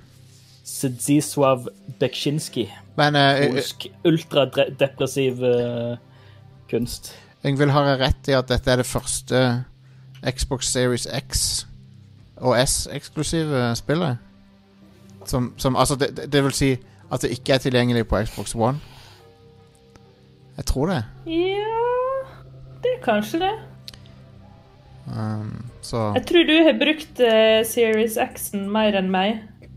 For jeg har på en måte prøvd å, å gjøre meg ferdig med en del spill jeg kjøpte på PlayStationen min før. før ja. jeg kjøpte Series X. Ja. Så jeg har spilt mer PlayStation i det siste. ja. Jeg har gjort det motsatte, for det, min tankegang har vært at eh, OK, jeg plukker opp igjen de PS4-spillene jeg ikke er ferdig med, på PS5 når jeg får den. Ja, vet du hva? Det er ikke så dumt. Um, For da er de Men tid får en den? 3. mai, står det på min. Ja, jeg har en sånn juni- eller mai-dato jeg er også på komplett, men jeg vet ikke om jeg stoler på den. Nei, ikke heller. Fuck it.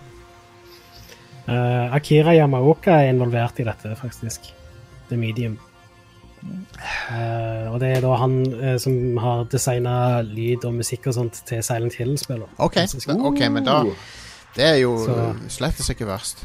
Det lover ganske godt. Spillet ser òg veldig Silent Hill-inspirert ut, da, som generelt. jeg- og det er jo uh, Bloober Team sier greie, da. eh, Inspirert Ja. av andre eh, ting. jeg- Observer var jo Blade Runner. ja. Um, Observer likte jeg ikke, da. Det må jeg bare si. Jeg, jeg syns ikke det var bra. De lagde òg et spill som var veldig inspirert av uh, PT. Å ja, personlig trener. Ja. Personlig trener.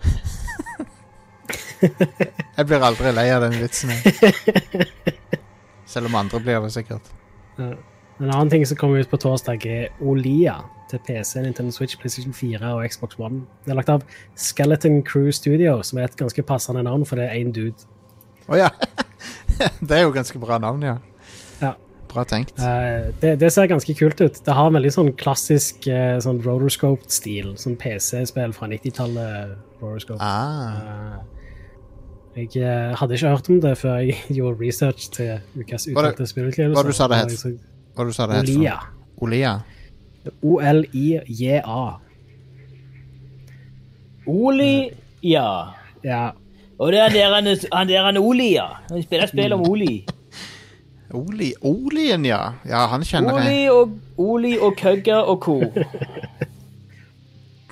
Ja, Det var ukas utvalg, utvalgte spillutgivelser. oh yeah, Kan jeg snike eh, ting her? Jeg Ja, driver og gjør det. sniker i dag.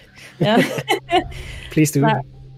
Fallout 76 det er jo et spill som ikke har hatt en total redemption arc, men det har blitt mye bedre.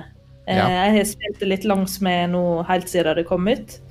Eh, Og i kveld så kommer det ut en update som bl.a. utvider stæsjet ditt. Det betyr at du kan ha 400 mer ting i eh, den boligen du lager deg, eller campen du lager deg. Ja, ok.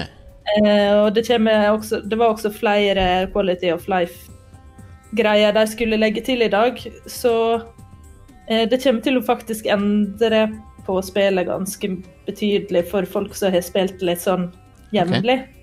For plassbegrensning har vært et stort irritasjonsmoment, og så har de prøvd å selge det med det abonnementet. Fallout First, eller hva det heter Ja, ja. Stemmer. som var veldig dyrt og virka veldig sånn eh, umusikalsk, hele det opplegget. ja, ja. Men nå tror jeg de har kasta inn håndkleet, for de har sikkert ikke nok spillere lenger til eh, at det lønner seg. Så ja. Nei, men hvis en har vært litt sånn på gjerdet og spilt litt, og sånn, så kanskje det er god tid eh, å returnere også med Brotherhood of Steel-utvidelse som kommer. Ja. Yeah. Ja. Um, Stilig Hood of Bros. og uh, etter pausen så skal du snakke om fitnessboksing, var det ikke det, Ingvild? Ja, jeg har ikke akkurat så veldig masse å fortelle om det. Du bokser. Det er Men, eh, fitness, og du bokser. Men jeg kan fortelle litt om det. Ja. Ja. Konge. Og jeg har også et par ting, og så ser vi Vet du hva vi ser? Vi ser hva som skjer. Ja, jeg òg har et par ting. Det eneste du ikke må gjøre, er å bytte til en annen podkast. For det, vi, vi har mer igjen. Så hang in there. Vi er straks tilbake. Here, here here,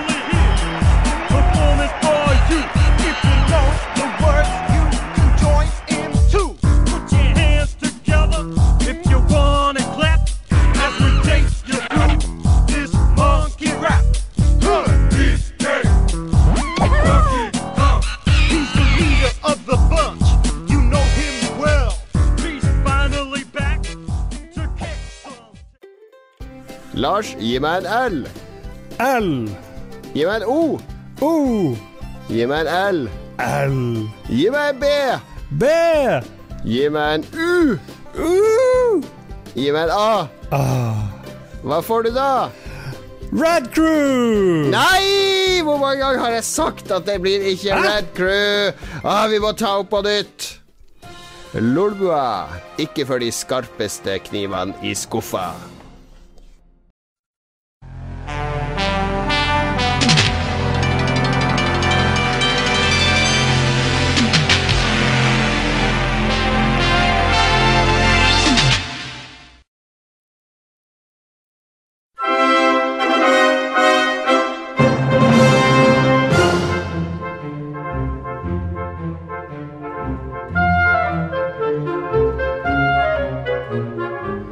Er tilbake, og eh, nå skal vi gå eh, ti runder i ringen med Ingvild her, som har eh, Eller egentlig blir ikke ti runder, hun, hun gjør knockout på oss med en gang, tror jeg, etter å ha spilt dette her.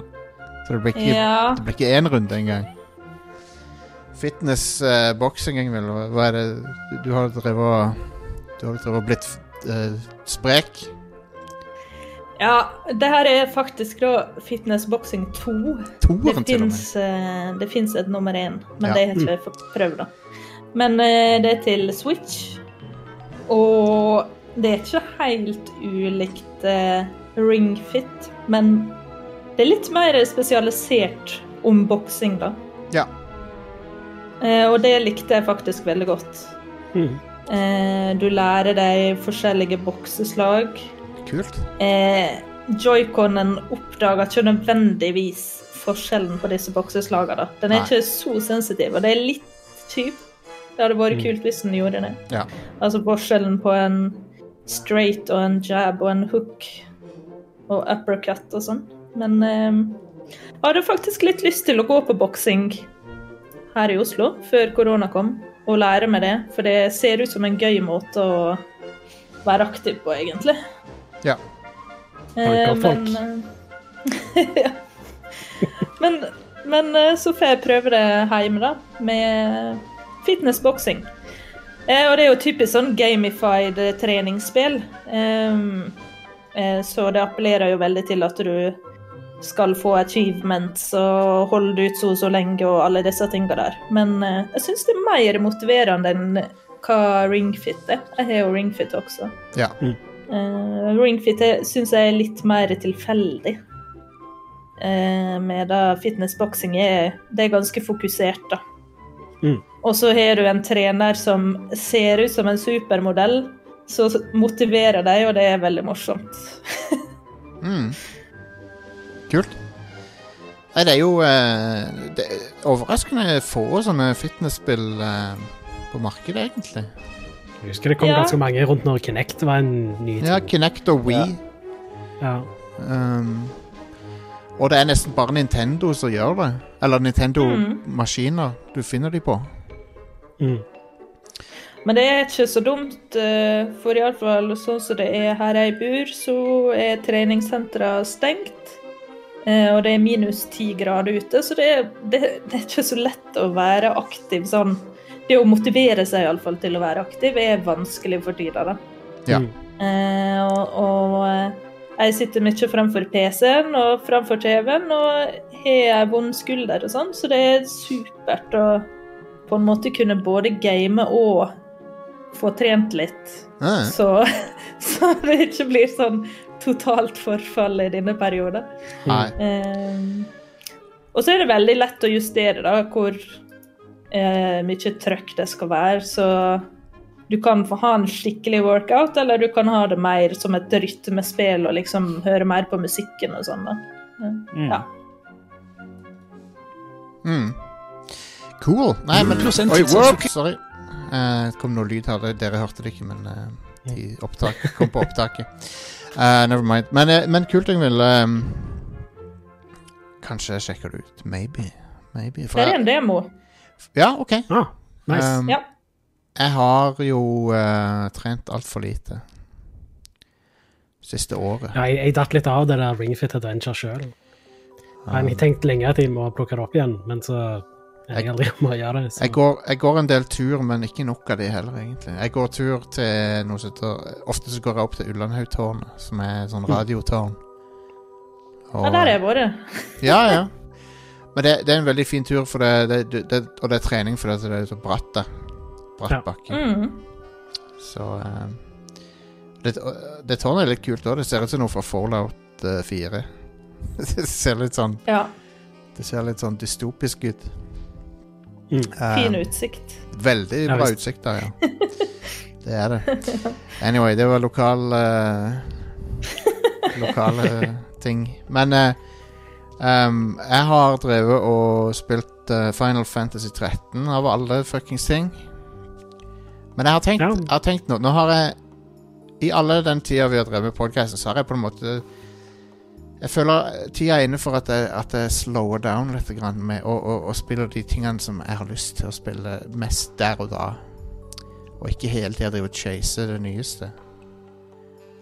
Ja, hvorfor ikke? Eh, Så jeg, jeg, vet du hva, jeg unner meg sjøl å så gå tilbake litt. Grann. Og um, akkurat nå så fikk jeg lyst til å spille Final Fantasy 13. Og en av grunnene til det er jo at på Xbox uh, One X og oppover, det vil si Xbox One X, Series S og Series X, så er det spillet uh, inkludert 13.2 og Lightning Returns og alle de tre spillerne. De har Jeg vet ikke hvordan det der fungerer teknisk sett, men de har oppdatert teksturer og sånn inni, inni 360-spillene. Ja. Sånn at backwards compatibility Det er ikke, det er ikke bare backwards compatibility. Det er, de har gjort noe med, med innholdet i de. Mm. Spesifikt for de nye konsollene. Og det, det er litt sånn Jeg jeg vet ikke helt hvordan de har gjort det, men det, men det ser knall ut. Det ser dritbra ut. Men det er vel sånn når du stapper i disken, så laster den ned for deg, ikke sant? Jeg har jo ikke disken, da. Jeg bare Nei, kjøpte okay. det digitalt, for det kosta en hundrings for hver av de. Ja, nice. Uh, så jeg bare kjøpte de. Og um, Altså, det, det, det ser basically ut som 4K. Jeg vet ikke om det er full 4K, men det ser sånn ut. Um, og uh, Det bare føles litt sånn eh, magic at det, at det går an, på en måte. De, de, for at på, på Jeg tror på 360 så var de sånn under 720P, de spillerne. Ja, det stemmer nok, det.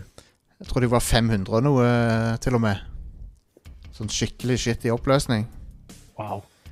Men eh, nå er de liksom mi, minst 1440, tror jeg, for det ser kjempebra ut. Og, og eh, Nei. Og så har jeg, og så har jeg mildna litt på Final Fantasy 13 med årene. Jeg har vært litt hard mot det spillet, men jeg syns sammenligna med 15 så er det mye bedre. Mye bedre. bedre kampsystem, i hvert fall. Ja, ja, ja, uten tvil. Kampsystemet i 13 er kjempegøy når du kommer inn i det. Ja visst. Og så er det litt sånn avanserte teknikker du kan bruke, som jeg ikke Mm. nødvendigvis var så god på forrige gang jeg spilte det. Men uh, det sånn du kan kansellere den active time-baren og sånn. Så du kan liksom Du kan liksom eh, ikke, la den, ikke la han gå helt til slutten, og så kan du Hvis du bare trenger å gjøre én move, så kan du avbryte den, på en måte. Istedenfor å vente. Ja, stemmer. Så det er noen kule sånne finurligheter med det combat-systemet. Mm. Uh, men jeg, jeg er imponert over hvor bra det ser ut. Uh, det ser bedre ut enn PC-versjonen. For, for der har de ikke gjort den samme tingen. Mm. Uh, så det eneste minuset nå er at det er 30 FPS, da. Ja. Men uh, Det er ikke så farlig i et sånt spill heller, da. Nei da, det er ikke det. Men overraskende er hvor bra, hvor, hvor bra det har holdt seg. Og de Bare med å oppdatere teksturer og sånn, så, så, så har det blitt modernisert, og det ser helt knall ut. Mm. Så uh, vel verdt å sjekke ut, vil jeg si, hvis du ikke har spilt 13. 13 og 13.2 er, gode spill. 13, tre, eh, og Lightning Returns er et, et ambisiøst, men ganske flawed eh, spill, vil jeg si. Det er jo Majora's Mask eh, Final Fantasy sin versjon av Majora's Mask, basically. Ja. Det har samme mekanikken som Majora's Mask, med at du har begrensa tid på å runde spillet. Må du dra tilbake i tid og starte på ny mange ganger, da? Ja. Så du lærer, du lærer hvor ting er, du lærer hvordan quester er, du, og du leveler opp og sånn. Så hver gang du starter på nytt Ja, og det er jo Dead Rising òg, for så vidt. Ja, stemmer. Så det er litt sånn som Dead Rising og Majora's Mask, at det er lettere hver gang. Mm. Og, det, og det er i praksis tror jeg umulig å runde det første forsøket. Men det er sikkert noen som har gjort det. Sikkert er noen speedrunner som har gjort det. Så, så dere den speedrunnen av uh, Hitman eh, 3-levelen? Er den som du linka til? Sånn, sånn ni sekunder eller Ni noe? sekunder. Han skjøt de bare gjennom veggen, eller? Ja, altså, snakk om å Det er liksom Snakk om å suge moroa ut av et spill. Det er så stupid. Men han, han har jo sikkert spilt det ordentlig òg, da. Ja, ja. Noen Ja. kaller det suge moro ut av ting, andre kaller det effektivisering. Ja. Har du ikke tid til å spille levelen som det er ment han skal spille, så må du bare finne bedre løsninger.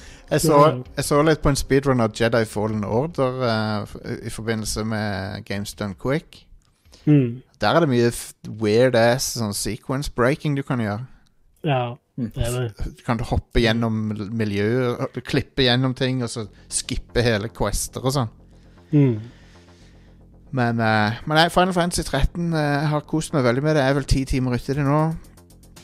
Det går mye fortere. Uh, jeg er snart med den åpne delen av spillet nå, fordi at eh, jeg skipper cutscenes og sånn. Jeg vet jo hva som skjer. Mm. Jeg har bare lyst til å ha gameplay, for det er kult. Gøy å sitte Ja. med. Um, så det er hovedsakelig det jeg har drevet og spilt, tror jeg. Jeg har spilt Hitman 3. Hitman 3, og det er jo det, Vi sparte jo dette til sist, for det, at det er jo det som er den store nye tittelen. Ja. Og det er lenge siden jeg har kost meg så mye med et spill, altså. Det, Mm. det er sånn siden ja, tidlig på året i fjor, når uh, Final Fantasy Remake og The Last of Us Part 2 kom ut og sånt. Ja. Jeg har hørt at uh, sto storyen er bra. Ja, eller bra og bra. det er bedre enn det han var i 1 og 2. Ja. Eh, for det er jo på en måte en avslutning av den trilogien. Så det er liksom payoffen da av alt det de har bygd opp i 1 og 2. Men får, er dette i samme kontinuiteten som de opprinnelige spillerne? Det tror jeg ikke, nei.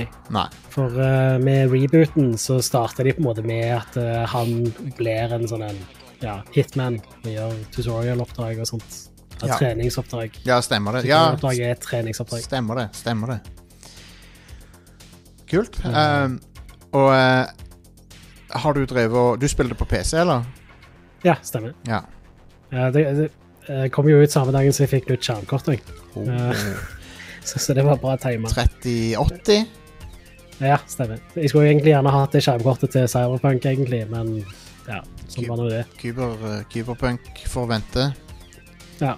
Du, du, Uh, jeg kjører det i native 4K med 60 FPS, Oi. og det er alt på maks. wow. Nice. ja, ganske fornøyd med det. Er det, er det et spill Eh. som uh, Er det, er det GPU-en som liksom er tingen med det spillet, uh, som må være top notch, liksom? Um, Det, det, er, C- det er veldig CPU-heavy spill. er det det, ja? Uh, ja. Uh, for det er veldig mye sånn simulering Ja. i spillet. ja. Uh, og grafikken er ikke så avansert, men den er veldig bra, da. Du, du merker det Altså, det, det um, eh, De har noen effekter som er veldig imponerende, uh, men allikevel så ser det ikke sånn uh, super eh, high-tech ut. Det, men det er sånn no- noen effekter som er veldig bra, da. De, ser, de, Sånn spillene, som refleksjonene og sånt er helt latterlig bra i det spillet. de spillene ser alltid så glatt, glatte ut, syns jeg. Ja, kanskje. de er litt sånn De ser litt sånn Så skal jeg beskrive det. De ser litt sånn sterile ut. Uh, på, Mm. på en måte. Ja. Men uh, de, altså, de er veldig pene, men de, de ser ikke naturlige ut. De har ikke naturlig look. Ja, det, det, det er det, da. De har ikke naturlig look, sånn som ja, mange andre spill har, sånn sett. Uh, Eller moderne spill har. Men som sagt, det er noen effekter som er veldig imponerende. Mm. Sånn som refleksjoner. For det har ikke raytracing, men det har allikevel skikkelige refleksjoner. Og det gjør de på samme måte som eh, gamle spill pleide å gjøre før Screen Space Reflections ble en ting. Ah, At eh, det er, de bare rendrer det to ganger, og så Ja, ja, ja. render to texture. Uh, og det er jo egentlig ganske sånn Grunnen til at folk gikk over til screen space reflection, er fordi det krevde mye mindre, så da kunne du ja. pushe grafikken mer.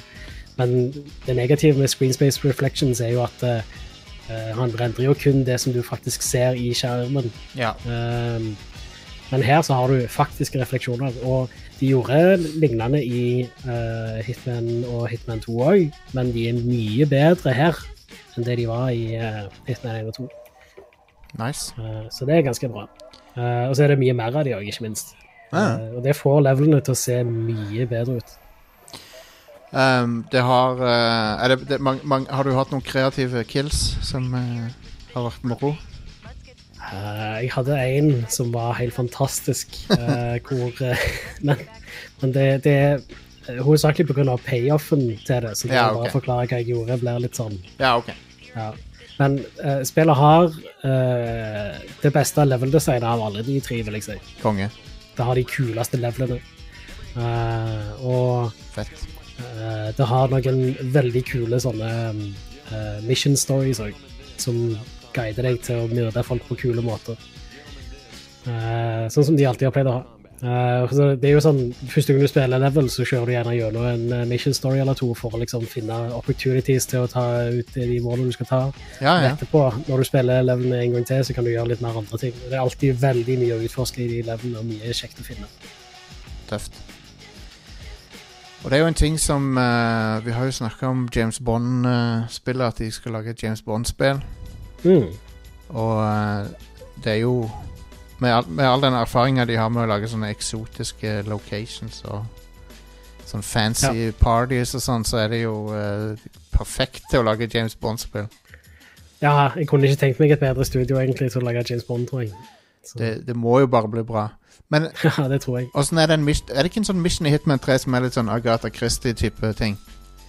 Sånn uh, på en sånn mansion eller noe? Det, det er et hvor du kler deg ut som en detektiv, og så skal du løse et mord. Hell yes! Det høres så Det konge ut.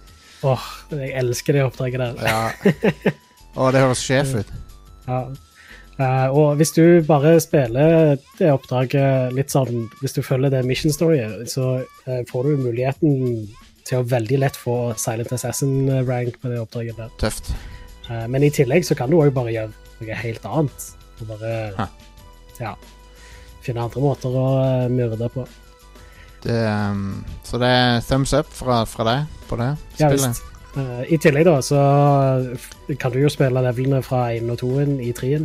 Så hvis du ikke har vært borti de nye Hitman-spillene, så Men jeg, bør du ikke bare kjøpe 3-en. bevarer det story-delen, liksom? Eller er det bare det at du laster opp levelen, og så Nei, nei, du får story-delen. Ja, OK. Så det er jo en, en eh, em, trilogi med sammenhengende story denne gangen. Ja. Noe det, de spillene ikke var før. Nei. De hadde en kontinuitet, men de hadde ikke så mye med hverandre å gjøre. Du hadde hvilken, hvilken i serien var det der Blood Money?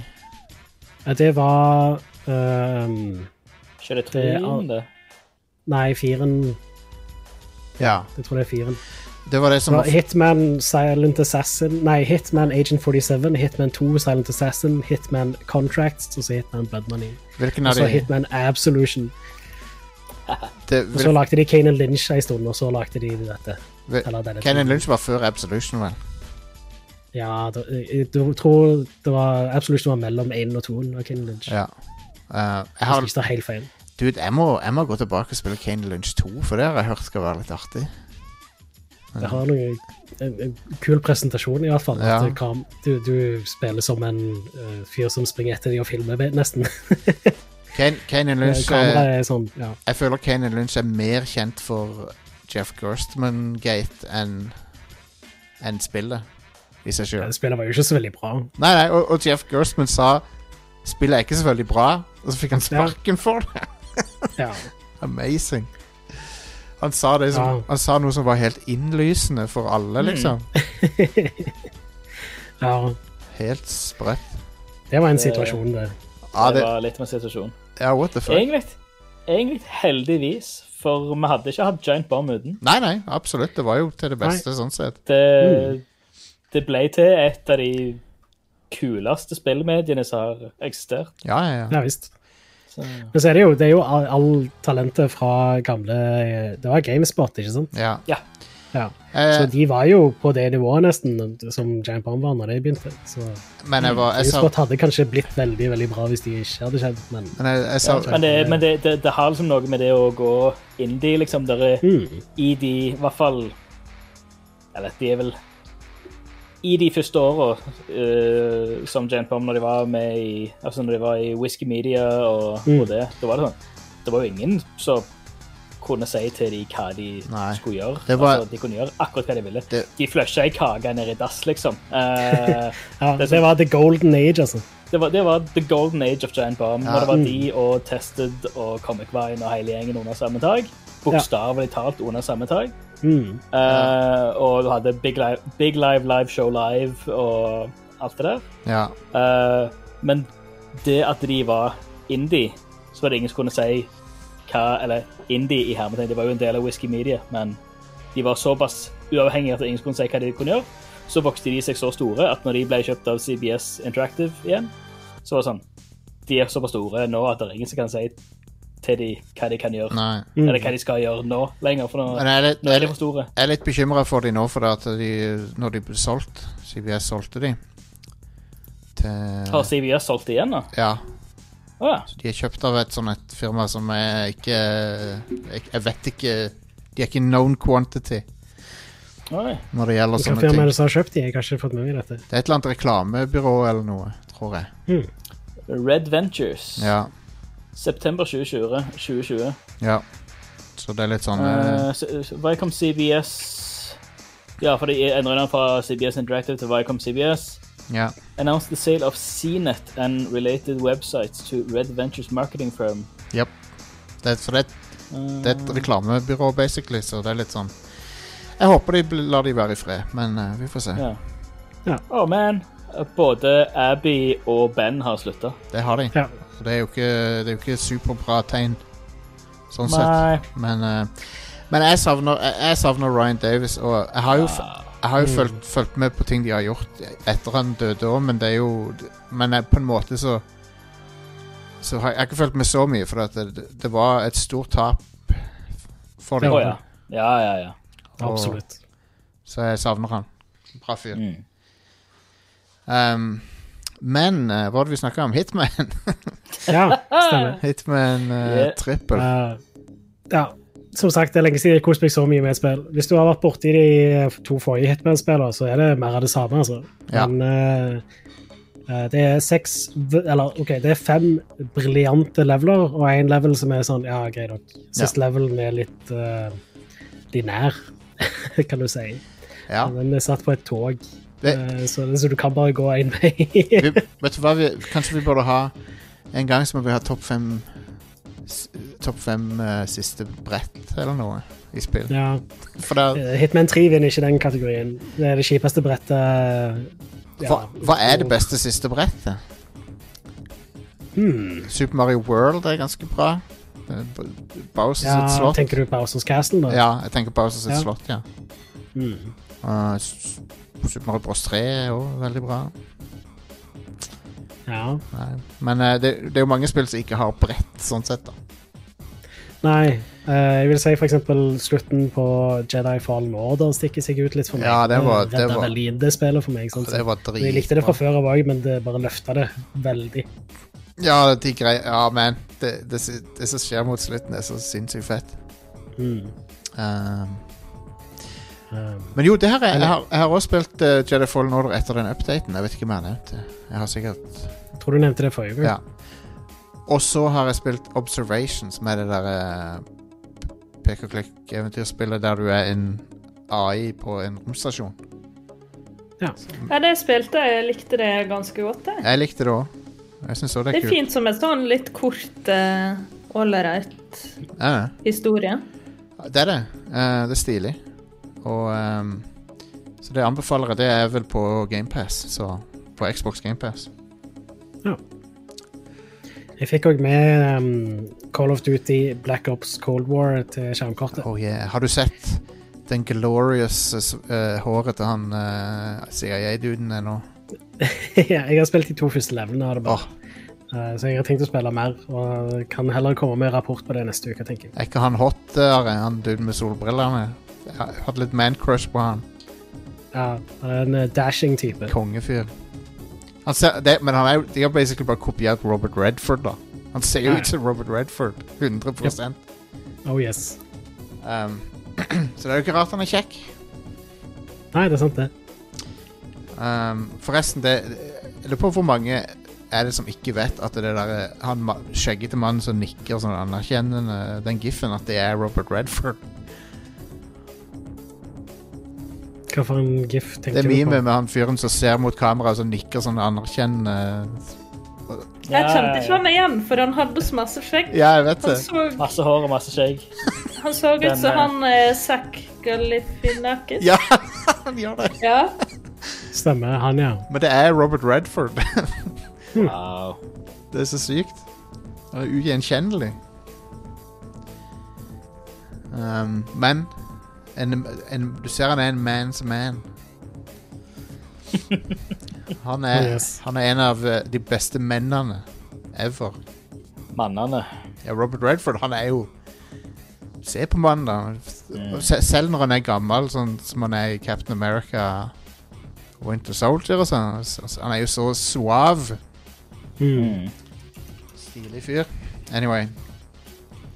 Er det ikke han som spiller i en relativt ny film som var helt fantastisk? Jo.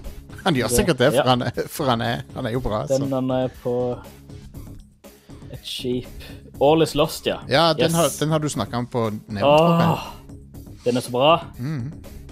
En film med starring kun Robert Redford. Og han har ing, så å si ingen replikker i hele filmen. Konge. Han er alene på et skip. Hvem, hvem skal snakke med, liksom? Eller han er på et skip. Han er alene, alene på en seilbåt, eh, og så er han i ei ulykke. Han kolliderer med en sånn random eh, flytende shipping-container. Så mm. begynner båten å synke, og så Um, er det noen flere som har noe er, er det noen flere som har noe spill å snakke om? For nå sporer vi av, og det er min feil. Min feil. Men uh... Jeg har, jeg har eh, dessverre jeg har ikke hatt tid til å spille noe særlig spill. Nei, men det er greit. Jeg skal gå tilbake til Final Fantasy 13 etterpå, tenkte jeg. Se om jeg kommer gjennom det. Kanskje jeg klarer å runde Lightning Returns denne gangen òg, men uh, det, var, det var litt tålmodighetsprøve når det kom ut, husker jeg. Det var ikke helt min type ting, men Husker dere har vi snak, Snakka vi om det når det skjedde, at hun Lightning eh, fra det spillet Hun var sånn eh, fashionmodell? ja, det husker jeg. Det var vel for Louis Vuitton? Ja, jeg. stemmer. Og det, det, Eh, det er jo kult, for det er jo sånn cyber, cyberpunk eh, IRL. de var veldig tidlig ute med det. Det har jo blitt veldig innafor noe med sånne VTubers Mm. eh, og sånne ting. Um, men eh, jeg vet ikke. Det var sikkert veldig populært i Japan, men jeg tror ikke det hadde nok rekkevidde utafor Nei, nei. Det, det, var, på den tida. det var jo sikkert gjort for Japan uansett. Ja, helt sikkert. Um, men jeg liker Lightning. Hun, hun, hun, hun mangler Hun kunne kanskje hatt litt mer personlighet, for at hun, hun fremstår litt som en Hun er på en måte Miss Pacman til Cloud sin Pacman på mange måter. For hun er basically samme personligheten som Cloud har, bare, så de, de kunne gjort litt mer med henne, men jeg liker henne allikevel. Syns hun er kul. Mm. Og eh, ser kul ut, da. Hadde Jeg føler hun var, hun var tidlig ute med den rosa hårlooken, som er populær nå. Hun var veldig fin med den. Ja, ja, absolutt. Så ja, anyway. Final Fantasy 13 er, det, er Igjen, jeg vil si det, det er veldig billig på Xbox. Sjekk det ut. Um, jeg, har, jeg, jeg, kan, jeg er en mann som kan innrømme når jeg tok feil. Jeg, jeg tror jeg har vært for streng mot Final Fantasy 13 opp igjennom. Uh, tok ikke du og livestreama det for en stund tilbake? Jo, på PC. Stemmer. Jeg gjorde det. Ja. det var, og det var da jeg har du begynt på ny, da, sikkert? Ja, nå har jeg begynt på ny. Men det var da Det var når jeg streama det på PC at jeg begynte å liksom tenke Hm, det er jo Jeg, jeg har, jeg, jeg har vokst Spillet har vokst på meg. Ja. Som Final Fantasy-fan så, så liker jeg det mye bedre nå. Spesielt i etter Spesielt sammenlignet med 15, som jeg syns Selv om de brukte Hvor mange millioner dollar må de ha brukt på å fikse det? Og, og putte lappeteppe på, eller liksom Og, og liksom putte plaster på det Final Fantasy 15, men det, er- det er et spill som ikke kan fikses på en måte. Det er konseptuelt uh, så flawed at uh, For strukturen på det spillet er fucka. det, det, det er noe alvorlig galt med det. For det, den åpne verden-delen er ganske bra. Og så siste akten er på en måte noe helt annet. Det er et helt annet spill. Mm. Så det bare føles så fucka ut når du kommer til slutten av det spillet. Ja. Anyway. nå, nå prater jeg bare. Prater bare ut i eteren. Men det er jo det som er podkast. Ja. Er det ikke? Ja. Det, folkens, det er dette som er podkast. Dette er podkast. For å sitere Anakin Skywalker Now this is podcasting! This is podcasting. Eller som PlayStation eh, pleide å si det, this is living. Mm. Nei, jeg husker i Final Fantasy 15 så var det liksom sånn, de bygde jævlig opp til at uh, den ringen var super powerful og bare sånn kunne Ja. gjøre alt slags. Og så med en gang du fikk den og kun kunne bruke den, så var du bare helt broken. En- Du måtte snike deg, og du bare kunne ikke gjøre noe som helst, nesten. Det er en av de, en av de verste Final Fantasy uh, uh, Verste delene i noe Final Fantasy-spill. Kanskje den verste. Ja, Jeg hater den delen av spillet. Det det var ødela bullshit. Det, det ødela så mye. Åh, det var drit. Det var Nei, så um, Følg med på lørdag. Da kommer det en ny episode av Rad Croneon. Eh, da skal det Yeah. snakkes om uh, kaiju-monstre i forbindelse med eh, Godzilla versus Kong. Og jeg er litt uh, spent på å høre Yeah. hva dere har å si om det. Um, Stoked! jeg litt, jeg, litt uh, jeg lurer på Jeg syns Kong ser så stor ut. Har de, har de liksom gjort I denne kontinuiteten er Kong sånn jævlig diger, liksom?